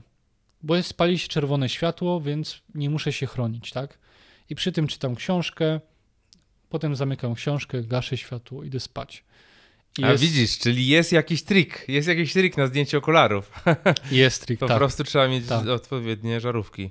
I takie żarówki gorąco polecam. Efekt jest niesamowity. Powiedz mi, już tak zbliżając się ku końcowi, jaki, jaka przyszłość dla iShield? Wychodzić, wychodzicie za granicę? Tak, tak. Y, Plany mamy teraz duże. Y, Jesteśmy na etapie szukania inwestora. Potrzebujemy Zapraszamy, wsparcia. jak jesteś inwestorem, który słucha, to do Sebastiana. E, powiem tak, że mamy jednego inwestora na oku, bo my chcemy samemu sobie wybrać inwestora, który będzie właśnie z, y, zgodny z naszym mm, kręgosłupem moralnym, Mhm, mhm. z naszymi wartościami i kodeksem. Nie chcemy kogoś, kto ma pieniądze. Takich ludzi jest mnóstwo. Chcemy kogoś, kto będzie po prostu nadawał z nami na odpowiednich falach. Taką osobę mamy, mam nadzieję, że się dogadamy e, i przyszłość, e, jaka się maluje, jest mega fajna, bo chcemy oprawki robić e, z odnawialnych źródeł, że tak powiem, w 100% ekologicznych, z oleju rycynowego i z roślin. Zrobić oprawkę i z Mhm. takich roślin, która co roku może nowa rosnąć. Nie jak drzewo, że wiesz, robisz oprawki na przykład z drewna, a takie drzewo to rośnie paręnaście lat, nie? A tu masz taką roślinę, która co roku odrasta. Więc to jest totalnie nowy poziom ekologii. Oprawki można zrobić w 100% e, z takiej rośliny przy pomocy właśnie oleju rycynowego jeszcze. Więc chcemy iść bardziej w stronę ekologii. Chcemy jeszcze zwiększyć jakość materiałów i chcemy się wyskalować właśnie na zagranicę. Mamy pomysł, jak to zrobić, e, Mhm. innowacyjny pomysł. Jeszcze nikt czegoś takiego nie zrobił, więc nie chcę teraz tutaj gdzieś Okej. tam tego know-how Okej. zga- e, e, zdradzać, ale to jest po prostu, no jestem podekscytowany tym, e, tą opcją rozwoju. E, zobaczymy, co przyniesie przyszłość. Mówię, to jest moja pasja. Ja iShield traktuję jako takie dziecko. Sygnuję to moim nazwiskiem, więc tu nie może być lipy. Jeżeli jest lipa, to ja, ja się o tym dowiem, to po prostu gdzieś tam mnie skręca i czuję się tak, jak, tak jakbym ja komuś coś zrobił. Dlatego też idziemy mocno na rękę klientom. Jak coś jest nie tak, to wymieniamy na nasz koszt. Y, Komuś się oprawka nie podoba, no to spoko, wymieniamy na nową. Nie ma problemu. Nie chcę być takim kurierem DHL, jak na przykład kurier DHL. Tam się nie dodzwonisz do szefa. Tak. Ja nawet nie wiem, kto jest szefem DHL-a. A ja, ja chcę, żeby tutaj każdy wiedział, że ja jestem CEO. Jak coś się dzieje, to mogą do mnie napisać na Instagramie. Mam swojego prywatnego Instagrama Sebastian Kilichowski, e, czy, czy na Facebooku. To oczywiście do pewnego czasu się można, można robić, no niestety pewna skala... Tak, tak. Natomiast chcę zawsze gdzieś tam czuwać Mhm. na tym, tak? I chcę, żeby gdzieś tam moi pracownicy przekazywali mi ten feedback. Chcę nad tym czuwać. Nie chcę na zasadzie, dobra, firma, firma działa, pieniążki się zgadzają, to ja lecę na Bali i, i koniec. Chcę nad tym czuwać, bo wiesz, to jest moja misja. Mhm. Ja to się poczuwam do tego. Ja tego nie robię, żeby zrobić firmę, która się rozkręci, ją sprzedać, udziały i leżeć yy, nogami do góry. Ja chcę zrobić firmę, która będzie realnie pomagać ludziom i potem robić kolejne yy, córki, spółki córki, które będą działały w obszarze biohackingu, Mhm. w obszarze rytmu dobowego, bo produktów, które można tutaj zrobić, jest nieskończenie wielka ilość, bo ludzie nie mają pojęcia, jak działa rytm dobowy.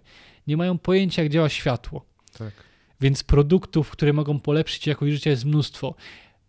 Pierwszy przykład z brzegu. Okno. Okno też blokuje światło i to to dobre światło. Więc czemu by nie stworzyć szyby, która będzie przepuszczać całe światło, albo to dobre światło, a to niedobre blokować. Można coś takiego zrobić. Wtedy takie szyby wprawiać na przykład w korpo Mhm. w biurowcach. Stworzyć takie stanowisko pracy dla ludzi zgodne z rytmem dobowym. Dać certyfikat, e, rytm dobowy approved i wiesz, i taka firma w ogóle też zyskuje w oczach pracowników. No, możliwości jest od groma i temu chcę się poświęcić. To jest moja misja, to mnie rejara, to mnie kręci. No to jeszcze ode mnie pomysł e, NFT, iShield, postacie w okularach. Kupujesz okulary, dostajesz NFT, który daje dostęp na przykład do czegoś albo do darmowej wymiany, nie wiem, po dwóch latach, albo jakiś coś, coś wymyślić. E, Bardzo ciekawe, musimy o tym porozmawiać. Tak, bo to, to środowisko związane z innowacjami, no się zawsze interesuje też tematami właśnie zdrowotnymi, e, właśnie jakimiś długowiecznością, też innowacjami w kwestii, w kwe- w kwestii zdrowia i często, często można, wiesz, tak trochę podkupić taką osobę, gdzie wartość leży obok, tak, ona dołącza dla jednej rzeczy, a dostaje wartość typu kupujesz NFT za X, dostajesz po prostu okulary. To może być nawet więcej niż okulary same kosztują, tak? Mhm. To taki, taki jakiś pomysł, który, który wymyśliłem. E, jakieś materiały, jeżeli mógłbyś polecić, podcasty, książki w temacie zdrowia, w temacie, w tematach, które ciebie interesują. Na pewno poleciłbym podcast e, Pasja Informatyki i ten cały, cały całą serię Wojownik Poeta. I tam też jest y, podcast Wyprawa w, w, do wnętrza ego, czy coś takiego. E, mi pozwoliły te podcasty dojrzeć do decyzji, żeby rzucić ciepły, przytulny etat, bezpieczny etat i iść za głosem swojego serca, za swoją pasją, więc mocno polecam. E, polecam książkę Ayn Rand Atlas Zbuntowany. Ona ma co prawda 1200 stron, ale czyta się bardzo przyjemnie i to jest, to jest tak jak e, jakbyś zawsze coś czuł, ale nie potrafił tego nazwać. Wiedział, że coś jest nie tak ze Mhm. światem, ale nie wiedział do końca co. Ayn Rand potrafi to nazwać w takie konkretne słowa. Jak to czytasz, to mówisz wow, to jest niesamowite, czemu ja dopiero teraz to przeczytałem. Więc gorąco polecam. E, jeszcze jedną książkę, jaką mógłbym polecić, taką bardziej biz- biznesową, jest Myśl i bogać się Napoleona Hilla. To też jest książka, która gdzieś tam e, wpłynęła na mój, na mój mindset. Co do podcastów zdrowotnych,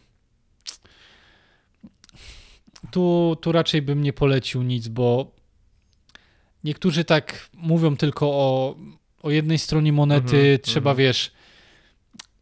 Jestem tutaj ostrożny z polecaniem jakichś Ben podcastów. Greenfield? Czy lubisz, nie lubisz? Nie do końca. Ja na przykład jestem taki, że ja sobie badania naukowe czytam. Okej. Badania naukowe czytam i sobie łączę kropki, nie? Tutaj te badania mówią o tym, te badania mówią o tym i potem łączę kropki. Peter Tia ma chyba taki... bo Peter Attia. Tak, ma Też- taki podcast, chyba, chyba płatną wersję nawet, gdzie ten team jego medyczny analizuje najnowsze badania i wykładają to w formie podcastu. Chyba jest wersja Mhm. płatna. Y, To nie znam tego podcastu. Peter Attia fajnie pisze, fajnie mówi, e, natomiast ciężko mi go polecić, ale fajny właśnie artykuł napisał gość, który się nazywa Serge Faket. To dla środowiska startupowego Znam, znam, będzie. Tak, tak. Tak, y, on napisał chyba How I Spent. tak jak wydałem tam- chyba 100 tysięcy dolarów na suplementy. Tak, tak, tak, więc mega spoko. On tam też mówi o microdosingu, o suplementacji litem, co też jest bardzo fajną opcją, e, więc to mogę polecić. Mm, co tam jeszcze? No i polecam właśnie znaleźć tą swoją filozofię, bo jak mamy swoją filozofię i kodeks moralny, którego się trzymamy, to daje nam takie poczucie bezpieczeństwa i spokoju. Nie jesteśmy wtedy jak chorągiewka na wietrze. I też je- jeden ważny cytat, który słyszałem, że jeżeli mamy jakieś zasady i postanowiliśmy coś zrobić, a się tego nie trzymamy, to tak naprawdę nie mamy zasad. I to jest taka, taka puenta. Trzeba się trzymać swoich zasad. To taka puenta. Gdzie cię można znaleźć w internecie, jakby ktoś się chciał skontaktować? E, można mnie znaleźć na Instagramie Sebastian Kilichowski, pisany razem. Na Facebooku Dieta to nie wszystko. E, iShield.com no i Instagram iShield.pl. Też mamy LinkedIna. E, no i chyba tyle. Sebastian, dziękuję serdecznie Dzięki za wielkie. rozmowę. To była wielka przyjemność. Dla mnie również dzięki. I to już wszystko w dzisiejszym odcinku. Mam nadzieję, że wyniosłaś, wyniosłeś dużo e, z tego, z tego podcastu i że wdrożysz przynajmniej jedną rzecz, którą dzisiaj tutaj usłyszałeś, drogi słuchaczu, e, a propos, a propos zdrowia. E, Zapraszamy też do, na iShield, gdzieś link tutaj w opisie. I z kodem BFC, jak Board Founders Club, macie zniżkę na okulary. No i oczywiście zapraszamy na board, boardfoundersclub.com, gdzie możecie zapisać się na to, żeby zgarnąć nasze, nasze NFT i dołączyć e, do całego klubu BFC, w którym również jest Sebastian jako jeden z członków. Także dziękuję serdecznie jeszcze raz i do usłyszenia w kolejnym odcinku.